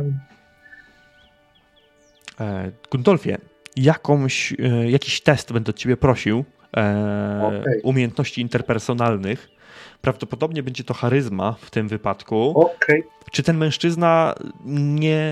Czy to nie zwęszy czegoś? Że ty tutaj grasz na czas, robisz coś, bo też inni ludzie są w sumie za tobą, zauważasz? I wiesz, i to jest takie, że ty. A może jeszcze o coś zapytam, a tam ktoś inny przechodzi, on też się innymi zajmuje. To ty, to ty jeszcze jedno Okej. pytanie. Okej, dobra, to próbujemy. Na plus 20 oczywiście. Super, dobra. Masz jeszcze ten czas, y, jakby kupujesz go. Jeszcze, jeszcze nie, ten mężczyzna nie stracił cierpliwości do ciebie. Mm, Gerolf, żebyśmy tak wrócili Mhm. e, na chwilę chociaż, bo no bo siedzisz sobie, popijasz, co chwilę ktoś do ciebie podchodzi, jakiś kelner, Być czy to może nawet kelnerka. już drugie, albo nawet. No tak, myślę, że już w połowie drugiego piwka jestem. Jest tutaj Jest raczej miło. powoli. Mhm. Jest tutaj naprawdę przyjemnie, miło. Ktoś ci zaproponował coś do jedzenia. To już jest, wiesz, y, inna kwestia, czy, czy weźmiesz, czy nie. Ale powiedz mi, czy masz jakiś pomysł, cokolwiek, czy, czy po prostu czekasz, czy, czy dajemy chłopakom grać? się zastanawiam, co ja bym mógł tam zrobić. No ja też, dlatego, Rzeczywiście- dlatego ciebie pytam. Jak dużo czasu już minęło? To, to byłaby dla mnie kluczowa informacja. Wiesz co, możemy tak sobie przyjąć, że jest jakieś, nie wiem, pół godziny, 45 minut?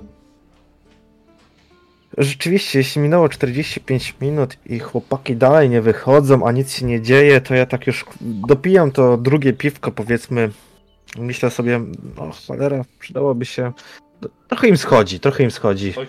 Może zajrzę tam, co się dzieje, może coś niepokojącego i tak dziękuję, kiwam głową kaczmarzowi, yy, kelnerce, która tam stoi, pewnie jest piękna, a przynajmniej przeciętna. I, i idę, nie? Może, a może, może coś się dzieje, może, może pomogę jakoś. Gundor w tym momencie zejdzie na zawał, jak zobaczy Gerolfa wchodzącego. Dokładnie tak. Trochę się znużyłem, przyznam szczerze. Czasu minęło, no 45 minut siedzenia, picia tego piwa i patrzenia się w, przez balustradę na dziedziniec, na to, co się dzieje przede mną. Nic się nie dzieje, no cholera, przydałoby się coś zrobić, no. Więc odkładam to piwo i idę i wchodzę do tego budynku. Odpisz sobie dwa szylingi przy okazji. It is fine. It's Mhm. fine. It's fine. E, Erasmus, wchodzisz na piętro tego budynku i wystrój może się nie zmienia. Nie ma tutaj skrzypiących schodów, schody są z kamienia, ale widzisz, że jest to miejsce albo sal spotkań, albo jakiś biur. Wszystkie są pozamykane. Na korytarzu nie ma żywej duszy. Obok siebie widzisz schody na kolejne piętro. Bo tak jak mówiłem, to jest kilkupiętrowy budynek, ale ta część, ten poziom jest całkowicie odmienny od tego, co, co spotkałeś e, na dole. Dobra, spróbujmy to w ten sposób, bo wspomniałeś, że jestem przekupniem, mam jakiś tam związek z y, kupiectwem. Czy ja mogę w jakiś sposób kojarzyć, gdzie właśnie takie mm, bardziej y, biura, do których właśnie takie wyższe rody mogą y, wchodzić, na którym piętrze? No bo tak to będziemy łazić sobie w tej we w tej, a nic nie zrobię. No gdybyś umiał czytać i pisać, to zdecydowanie byłoby łatwiej, bo zauważasz, że przy każdym z tych, ty- przy tych drzwi jest tabliczka z czymś napisanym, więc prawdopodobnie jest to dane biuro czyjeś. To wiesz, mogę ci doradzić, że możesz się nauczyć czytać i pisać, ale no e, prawdopodobnie te biura, tylko ci odpowiem na twoje pytanie, żebyś nie został bez odpowiedzi. O właśnie od pierwszego biura wzwyż to są już biura kupieckie poszczególnych rodzin. I często, I często one są podzielone tak, że daną część danego piętra zajmuje cała rodzina. Mhm. Ale no, No co, wybacz, nie przeskoczymy tego, nie? nie? Nie przeczytasz tego nagle znikąd. przeczytam w żaden sposób, ale no w takiej sytuacji już wiem, że nie będę wydłużał na kolejne piętro. Mhm. Eee, tylko tak mm, przechodzę najciszej jak potrafię i próbuję podsłuchać, może pod drzwiami tymi zamkniętymi, czy jakieś rozmowy się toczą. A nuż się uda. Kilka rozmów na pewno się toczy. Ktoś rozmawia, czy to przyciszone głosy, czy to jakieś polecenia są wydawane różnym skrybom, więc jeżeli słyszysz to, na pewno trochę śpiesznie odchodzisz z tego miejsca, żeby się schować, czy to za jakąś kolumienką, za jakimś popiersiem, które jest tam ustawione. Ten rzut cały czas ma, jest w mocy, więc nie będziemy rzucać sobie za każdym razem kolejny raz. Mm, Potrafisz usłyszeć wręcz przez drzwi, jak ktoś skrobie coś na pergaminie, rozpisuje, ale chybił trafił, to jest dość ślepy trop. Spędzasz trochę czasu na tym wszystkim, powiedzmy sobie kolejne kilkanaście minut. W tym czasie na dole Gundolf, niemalże już cały spocony, zadając kolejne pytania. Ten mężczyzna odpowiada cały czas, kiedy do środka wchodzi Gerolf. I ten mężczyzna podnosi się z nad kontuaru. Eee... Eee... Pan z jakiejś gildii? Gildii? Gildii? Yy, to jest! Yy, z tego. Yy, tej, jak to jest? Piwowarski! Niech no spojrzę na browarnictwo, ale z tego co wiem, na dzisiaj nie było żadnych zamówień. Nic nie, nic nie trzeba. Coś, coś, coś, coś przeoczyłem? Coś panu potrzeba? No, bo ten. Cud nam cena podrożała, a tu bym chciał ten zapytać o papierzyska, żeby o. o yy, teraz sobie tak przypomina w głowie yy, słowa Gudolfa, któremu mówił yy, o ulgę podatkową zapytać. W porządku. Rzuć sobie na charyzmę na plus 20 w tym momencie. Gundolf, czy jest jakaś reakcja z twojej strony? Milczę. milczę Milczysz, dobrze. Mówię, bo mam chwilę odpoczynku. Przerzucam. Przerzucam dobra, dobra. to. Bo to jest minus 4 punkty sukcesu, więc. Przerzucam to. Dobra. Zaraz straż wbije. Czekaj, czekaj, czekaj, czekaj, czekaj, cenę. e, Okej. Pięknie po prostu. Charyzma plus 20, modyfikator. Kwintesencja. O Boże! Jeszcze raz przerzucam. Nie no, dzisiaj palę te punkty po prostu. Nie przerzucamy e, przerzuconych rzutów. Okej, już to jest jeszcze gorzej. To, To jest jeszcze zostaje. gorzej. Przerzuciłeś porażkę na krytyka. Mężczyzna spogląda na ciebie i w pewnym momencie zamyka tę księgę. Co tydzień to samo. On wystaje za kontuaru i teraz Gundolf, ty widzisz dość dużego mężczyznę, takiego osiłka, który z pałą w ręce jest wręcz na, na zawołanie. Proszę, y, panie Matiasie, tutaj zająć się problemem. Nie ma sprawy. I mężczyzna rusza w stronę, w stronę Gerolfa. On ci kurwa dam ulgę podatkową. Widzisz mężczyznę dużego, ogromnego, strażnika, znaczy nie strażnika, ale takiego oprycha, który jest, wiesz, strażnikiem tutaj, który z pałą idzie ci po prostu wymierzyć sprawiedliwość i dać ci ulgę podatkową.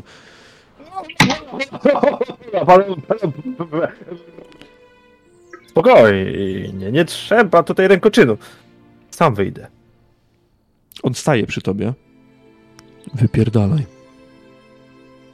Się rozumie. I tak Kundolf, ty możesz zauważyć takie zawsze takie wzruszenie brwiami. Podnoszenie i ja się wycofuję. Drogi panie, i ten mężczyzna zwraca się do Gundolfa. Wydaje mi się, że na pana też już czas. Y, Tak, bardzo serdecznie dziękuję panu za wszelkie informacje, były panu udzielił. Jak będę miał patrona, to nie złożcie się do niego pana zgłoszę. Mhm. Serdecznie. Ale to, mogę też sobie Edyt przeczytać, który jest tutaj obok i pójdę, już nie będę pana pasował. Wolałbym, żeby pan już poszedł. No, do widzenia. Mijasz się z tym mężczyzną, z tym osiłkiem, który przechodzi obok ciebie. Widzisz tylko uśmiech na jego twarzy. Do A następnie on staje znowu w kąciku, jak gdyby nigdy nic. Erasmusie, żeby tego nie ciągnąć dalej, mija naprawdę sporo czasu, kiedy chodzisz tam, po tym piętrze i przysłuchujesz się różnym rozmowom, skrobaniu pióra po pergaminie, kiedy jedne z drzwi się otwierają i zauważasz mężczyznę, który wysiadł wcześniej z karocy, czyli prawdopodobnie Rick Brodera, ubranego z powrotem w płaszcz, który wychodzi na korytarz, spogląda w twoją stronę. Ja od razu tylko po prostu zdejmuję kapelusz z szacunkiem, skłaniam się, on jest ważną osobą, więc jak przystało na prostaczka. On także się jakby skłania, skłania głowę, patrzy się na ciebie. Pana tu nie powinno być. Y, ja tylko tutaj w zasadzie jako posługa sprzątająca. Y, tak, ja powinienem być teraz na dole i zamieść dolny. Tak. y, Dolny park. Jeszcze raz się skłaniam. Y, Nie chcę y, podać pana, szanownego pana. Na pewno pan zajęty. Już pójdę. Zdecydowanie. On rusza za tobą. Tak jakby, wiesz, kontrolował, czy ty schodzisz. I kiedy schodzisz na dół, ten mężczyzna, który był na recepcji, nie zwraca już na ciebie uwagi. Ale panowie, Gerolf i Gundolf, gdy wychodzicie na zewnątrz, zanim dam wam cokolwiek powiedzieć, jakąś chwilę później nie wychodzi Erasmus, tylko wychodzi Rick Broder. I kieruje się na chwilę do tej karocy. Wsiada do niej, ale karoca nie odjeżdża. Erasmus, czy ty będziesz chciał wyjść z tego budynku, czy zostaniesz tam jeszcze chwilę? Mm, no to I tak nie, wejdę sobie do biura i tak nie będę potrafił tego przeczytać, więc y, jedynie co to y, mogę za, zadeklarować, że spróbowałem zapamiętać, które to biuro, może niziołki będą widziały, Bez problemu. które drzwi Bez problemu. piętrze. No i po prostu licząc na to, że w sumie jak nie zauważył jak wyszedłem, a raczej ma kontrolować tych, którzy wchodzą niż tych, którzy wychodzą, no to ja już wychodzę po prostu przemykając y, w odpowiedniej odległości od y, Brodera. Dobra. Eee, Okej, dam wam teraz chwilę na, na połączenie się, panowie, po tej fantastycznej, dywersyjnej akcji w, w Gildii Kupieckiej. Nie ukrywam, że kiedy Gerolf powiedział, że idzie pomóc, bo może coś się uda, to wróżyło to właśnie taką, taką właśnie pomoc. Ale krytyczna porażka na, na rzucie to, to zawsze jest... 59 pragnę zauważyć. Tak jest. Tak jest. Panowie, jest wasza scena w tym momencie. No, trochę chyba spieprzyłem. Go- go- go- Gondolf nie postaw na mnie, no. Chciałem dobrze, no.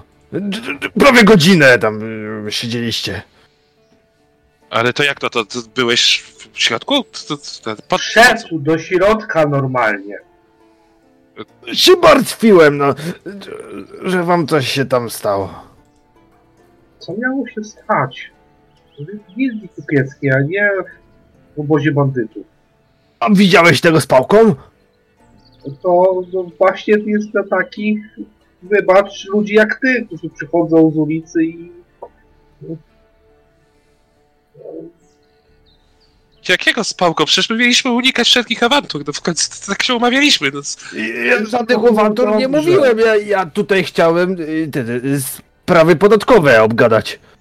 Tak, y, dokładnie, z gildii piwowarstwa y, z ulgą podatkową chciał. Daję. Bym podatku... Z ulgą podatkową, dokładnie. Ulgę podatkową Więc prawie dla to- pen...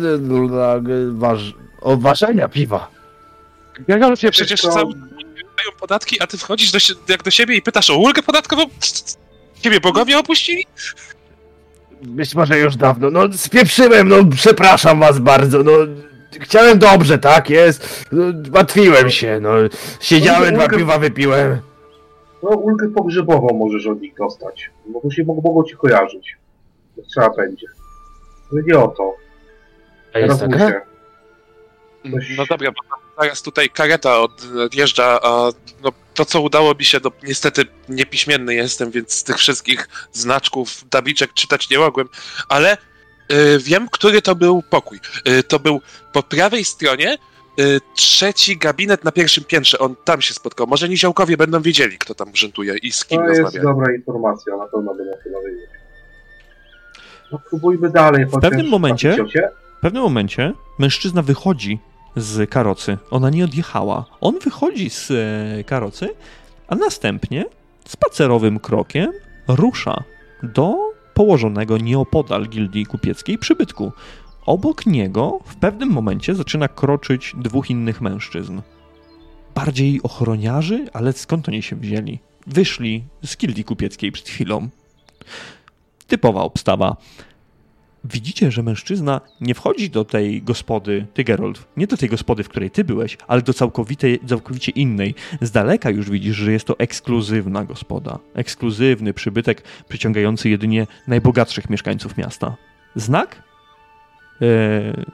szyld, na którym widnieje złota ryba trzymająca złotą monetę w pysku, wskazuje na prestiż miejsca. Zajmuje ta gospoda nie jeden, a trzy osobne budynki połączone ze sobą pomostami i kładkami. Złoty Pstrąg, bo tak zwie się owy lokal, wygląda na jeden z najlepszych, jakie widzieliście w swoim życiu. I mimo, że by, bywaliście, by bywacie, mieszkacie w Bygenhafen, wiecie, że Złoty Pstrąg to jest wyżej niż sufit dla możliwości waszego życia. Specjalne wejścia, pozwolenia. Nie da się tam dostać. Tak o. Mężczyzna znika tam za bramą, prawdopodobnie z chęcią skonsumowania obiadu.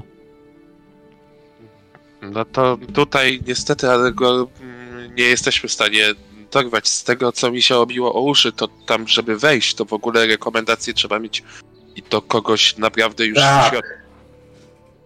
Sądzę, że znamy pewną osobę, która mogłaby pomóc. Ale to wiesz, no jeżeli nawet byśmy poszli mm, do, do niej, no to mm, już i tak po ptakach będzie, bo pewnie zje i pojedzie dalej. Więc za duża była. Sądzę, sądzę, że nie wiem, czy idziemy do tej, tej gospody, który był Gerów, z który łaskawie był, wyszedł i wszedł do gildii, budynku gildii kupieckiej, czy może wracamy do niziołków, bo no nie wykluczone, że to będzie tutaj cały dzień tak siedział. Może jest w pracy. Czy na pewno jest pracy? No cóż, pan Mieszek mówił, żebyśmy śledzili go przez cały dzień. Zobaczyć, gdzie się No to- pojawi. No to myślę, że możemy poczekać w tej tutaj karczmie, ma dobry widok tutaj na tą gildię i na ten, na ten wóz. No to myślę, że moglibyśmy po prostu poczekać, aż wyjdzie. Tyle, no. Dobra, dobra. No, To brzmi jak dobry plan. Dla mnie to nie jest żaden problem. Poczekacie w Wesołym Kupcu, tam gdzie Gerolf już wcześniej obalił dwa głębsze. E, Nie będę wam opisywał tej miejscówki, bo słyszeliście, że jest to porządny przybytek. Możecie zjeść także obiad, możecie się czegoś napić. Tutaj nie będzie żadnego problemu. Mm, To, co jest istotne, to to, że tracicie albo czekacie kolejną godzinę z dobrym punktem widzenia na, na ten plac. W końcu Rick Brother wychodzi ze Złotego Pstrąga w towarzystwie starszego, ale naprawdę starszego jego mościa. Mężczyzny siwego, z dłuższą już brodą, wspierającego się laską. Mężczyźni nie podają sobie ręki, kiedy powinni na pożegnanie i odchodzą w dwóch różnych kierunkach. Rick Broder spiesznym tempem opuszcza plac i wchodzi na pełnej szybkości do swojej karocy, która zaczyna odjeżdżać w momencie, kiedy wy siedzicie jeszcze przy piwie. To reagujemy i chyba To może niech ktoś pójdzie za tym, z którym się spotkał, a reszta niech śledzi same nasz... ty, ty, ty, ty, ty idź za tym gościem, z którym się spotkał Rick Brother, bo ciebie już widział. Ja za nim pójdę. Ja odstawiał kufer i po prostu wybiegał za tym z y, No ja by gospodarzem. też, ja nawet też. No ja idę za tym, za tym drugim. Czy idę sam za Rick Brotherem? No to wychodzi, że, że wy we dwóch chcecie iść za tym starszym, tak? A Gundolf pójdzie za, za karocą. Dobra, nie przeszkadza mi to kompletnie. Starszy jegomość, opierając się o laskę, o kroczy swoim tempem po placu w tę i w tamtą. Zachodzi od kramu do kramu, tak jakby laską wskazywał na poszczególne rzeczy, jakby coś oceniał z przekąsem, z niesmakiem, zastanawiając się, czy może coś kupić, czy nie. A może tak. Nie musicie go nawet śledzić. Wystarczy, że stoicie i rozmawiacie ze sobą, patrząc się na to, co on robi. W tym czasie jednak Gundolf rusza za karocą. A karoca, Gundolfie, stukając po kamieniach, rusza w stronę Starego Miasta, w stronę Altstadt, do dzielnicy Biedoty. Zdecydowana większość zabudowań. Sekunda. Czekałem na ten moment. Zdecydowana większość zabudowań w Altstadt przypomina bardziej rudery niż budynki mieszkalne. Ulice nie są tutaj pokryte brukiem. Przeciwnie, wyłożone są łajnem i zwałami śmieci. Gospody wydają się być obskurne, a przez okna zewsząd wydobywa się zawieszony po sam sufit dym. Nieliczni ludzie obrzucają cię spojrzeniami. Czasem ktoś wytknie cię wręcz palcem. Zaśmieje cię, widząc ciebie. Przechodzący tędy robotnicy mają swój jasny cel: nie mieszać się ani nie rzucać w oczy. Tak jak każdy, kto wchodzi do Altstadt. Karoca jedzie powoli, a ty modlisz się do wszystkich bogów imperium, żeby jechała szybciej, bo kroczysz za nią i wiesz, że przyciągasz spojrzenia. W tym czasie twoi towarzysze śledzą tego starszego jego mościa, który teraz wchodzi w jedną z uliczek i także rozgląda się pośród różnych kramów. Mają poważną robotę do zrobienia. Nie to co ty, kiedy ktoś po prostu czy to szydzi z ciebie, czy nawet jakiś żebrak spluwa w twoją stronę, bo jesteś ubrany nieco lepiej od niego. Wreszcie trochę się trzęsę, tak nie dając sobie poznać, ale tak wewnątrz to jestem, mówiąc brzydko, zesrany do granic możliwości. Ciemne chmury wiszą nad Bügenhafen, raz po raz roniąc kilka łez na te błotniste drogi. Te uliczki stają się jakby węższe, budynki jakby wyższe, a ty czujesz się tutaj taki malutki, samiusieńki, jak palec. To nie jest twoja dzielnica. Nigdy nie była. Karoca w pewnym momencie zatrzymuje się, a ty, przytrzymując się jakiejś beczki, która tutaj stoi, oddychasz głośno. Drzwi otwierają się, a Ryk Broder wychodzi, rozgląda się na lewo i prawo, a następnie wstępuje na schodki domu. Domu, można tak to nazwać. Położonego w tej ubogiej części miasta. Ochroniarze, z którymi wcześniej wchodził do Złotego Pstrąga, jak na sygnał odwracają się plecami do drzwi, wypatrując zagrożenia, patrząc wszędzie, gdzie się da. Poproszę od ciebie test skradania na plus 20. Okej.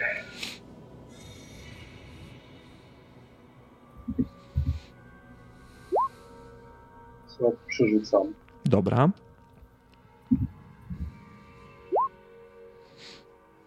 Mhm. Jest jeszcze jedna rzecz, o której wcześniej zapomniałem. Poksini, ty jesteś dzisiaj poszkodowany przeze mnie. Przepraszam cię najmocniej. E, zawsze, możecie, zawsze możecie użyć punktów bohatera ewentualnie i one... Tak, właśnie chciałem punktu, nie wiem czy mogę punktu bohatera Możesz. użyć, możesz. żeby odwrócić chyba ten wynik. E, możesz ustalić wynik na kościach. O, 0,1. Dobrze. Odpisz sobie jeden punkt bohatera. Spotkałeś się spojrzeniem z jednym z tych ochroniarzy i wydawało ci się, jakby ruszył w twoją stronę, ale nie, uff. Na początku się zatrzymał, a potem zdzielił pałą przez łeb jakiegoś łachmaniarza, który za długo im się przeglądał. Ten łachmaniarz padł w rynsztok. Jak długi. I wiesz, że gdyby go tam nie było, to tą pałą przez łeb dostałbyś ty prawdopodobnie. Po chwili drzwi uchylają się i staje w nich jakaś kobieta, około 40 lat. Rick Broder wydaje się z nią rozmawiać przez dłuższą chwilę. Kobieta uśmiecha się i wpuszcza go do środka. Jeden z ochroniarzy odwraca się napięcie i rusza za swoim szefem, także wchodząc do środka. Co zamierzasz zrobić? Wiesz co, biorąc pod uwagę gdzie jestem że jestem sam. Mhm. Jestem ochroniarz. Zape zapamiętuję to miejsce. Jestem w stanie na pewno zapamiętać to konkretne miejsce. Ten widok tej kobiety. Czym obracam się i uciekam stamtąd. Szybkim pędem chcę opuścić tę dzielnicę, ponieważ jestem sam i widząc jak Paul zdzielił tego biednego łachmaniarza, Mhm. wiedząc, że mogę to być ja, to nie, nie będę szafował swoim życiem. Nie sam.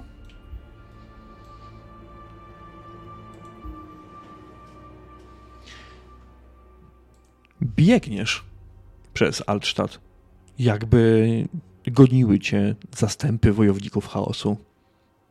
Gdzieś pluska woda z kałuży, przez które przebiegasz.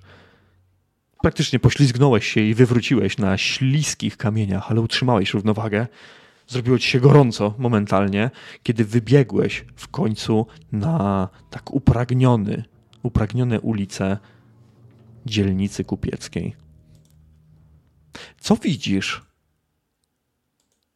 Widzisz to, że twoi towarzysze po kilkunastu minutach robią kolejne kółko na Drikeplac, chodząc za tym starszym mężczyzną, który podpierając się o lasce, swoim tempem zatrzymuje się przy posągu Bogenauera, patrzy na niego, rusza dalej i obstawa twoich dwóch przyjaciół za nim w pewnej odległości.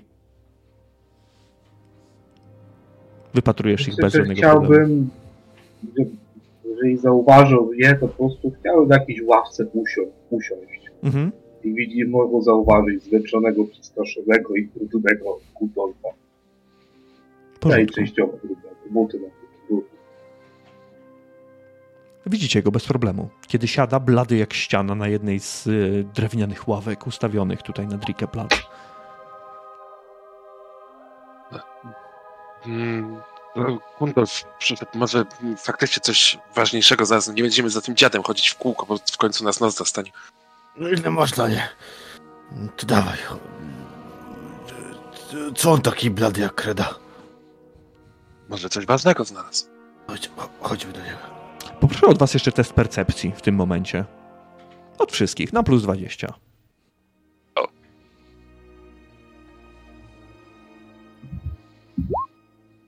O! Mm. Sukces. Bardzo dobrze się składa. Gundolf, ty siedzisz patrząc się niemalże w swoje buty. I tak, Tak, i taplasz po prostu no- nogami w tej wodzie, która tam jest, żeby dojść do siebie. A Gerolf i Erasmus, zwracając się w twoją stronę, słyszycie, jak ktoś woła.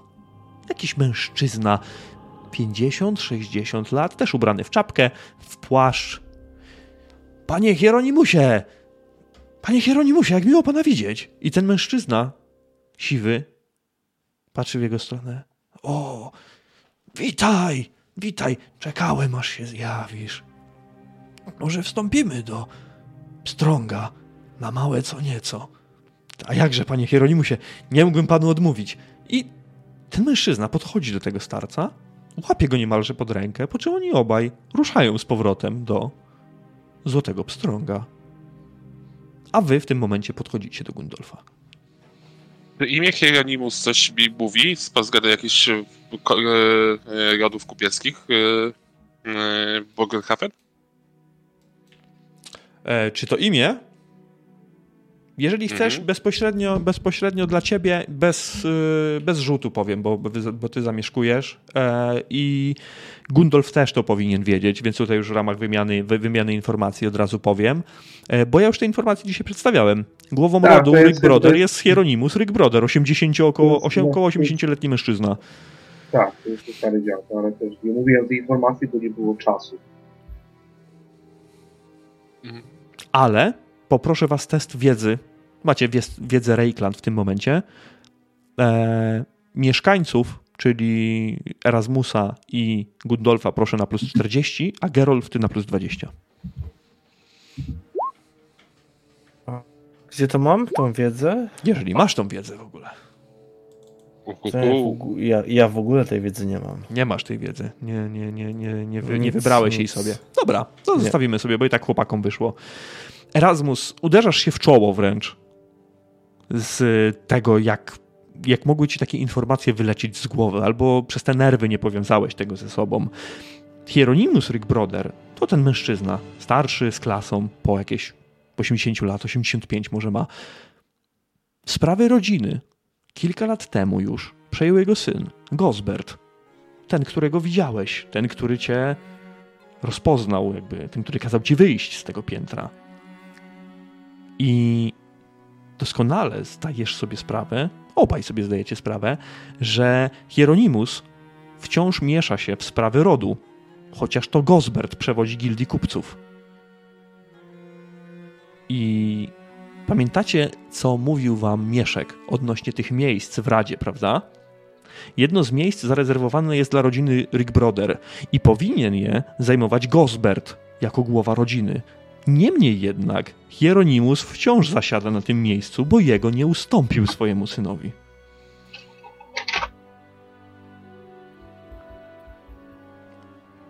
Aż kurwa, ale daliśmy dupy w tym momencie.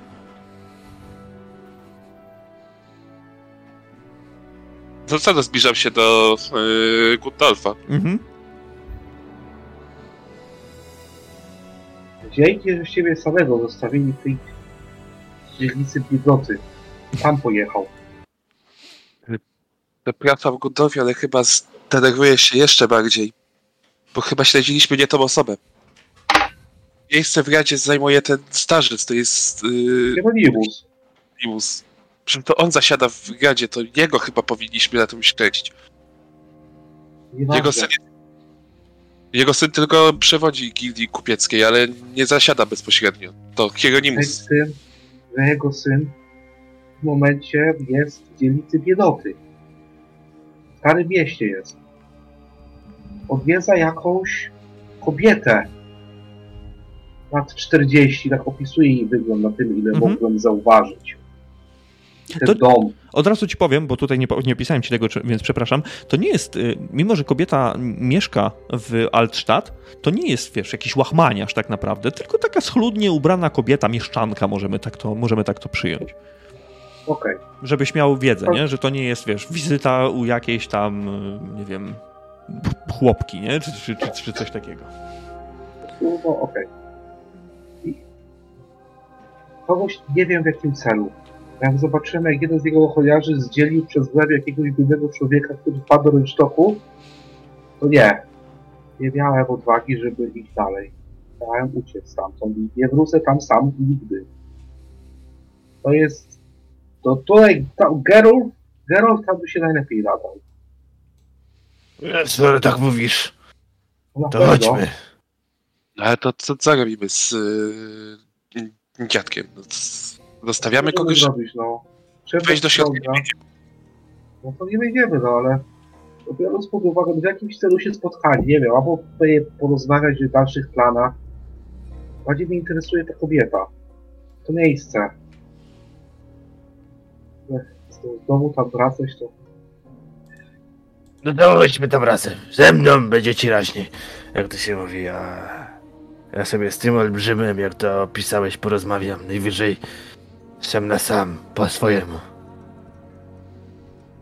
nie wiem, czego on tam szukał. No to jest jedyny rozsądny trop, trzeba tam pójść. Tutaj jeszcze u niej jest. No to co, nie wiem, dzielimy się, idziemy razem, no szyb, musimy podjąć jakąś Idziemy decyzję. razem, chodźmy. No wszyscy razem dawajcie, w trójkę będzie raźniej. O, i ludzi więcej, i pięści więcej. Ruszacie więc z powrotem do Altstadt. We trójkę. Pokrzepieni. Tym Tak szybkim szybkim jeszcze, krokiem. Mhm. W swoim towarzystwie, żeby zajść tam jak najszybciej. Żeby może przyłapać Rick Brodera na gorącym uczynku.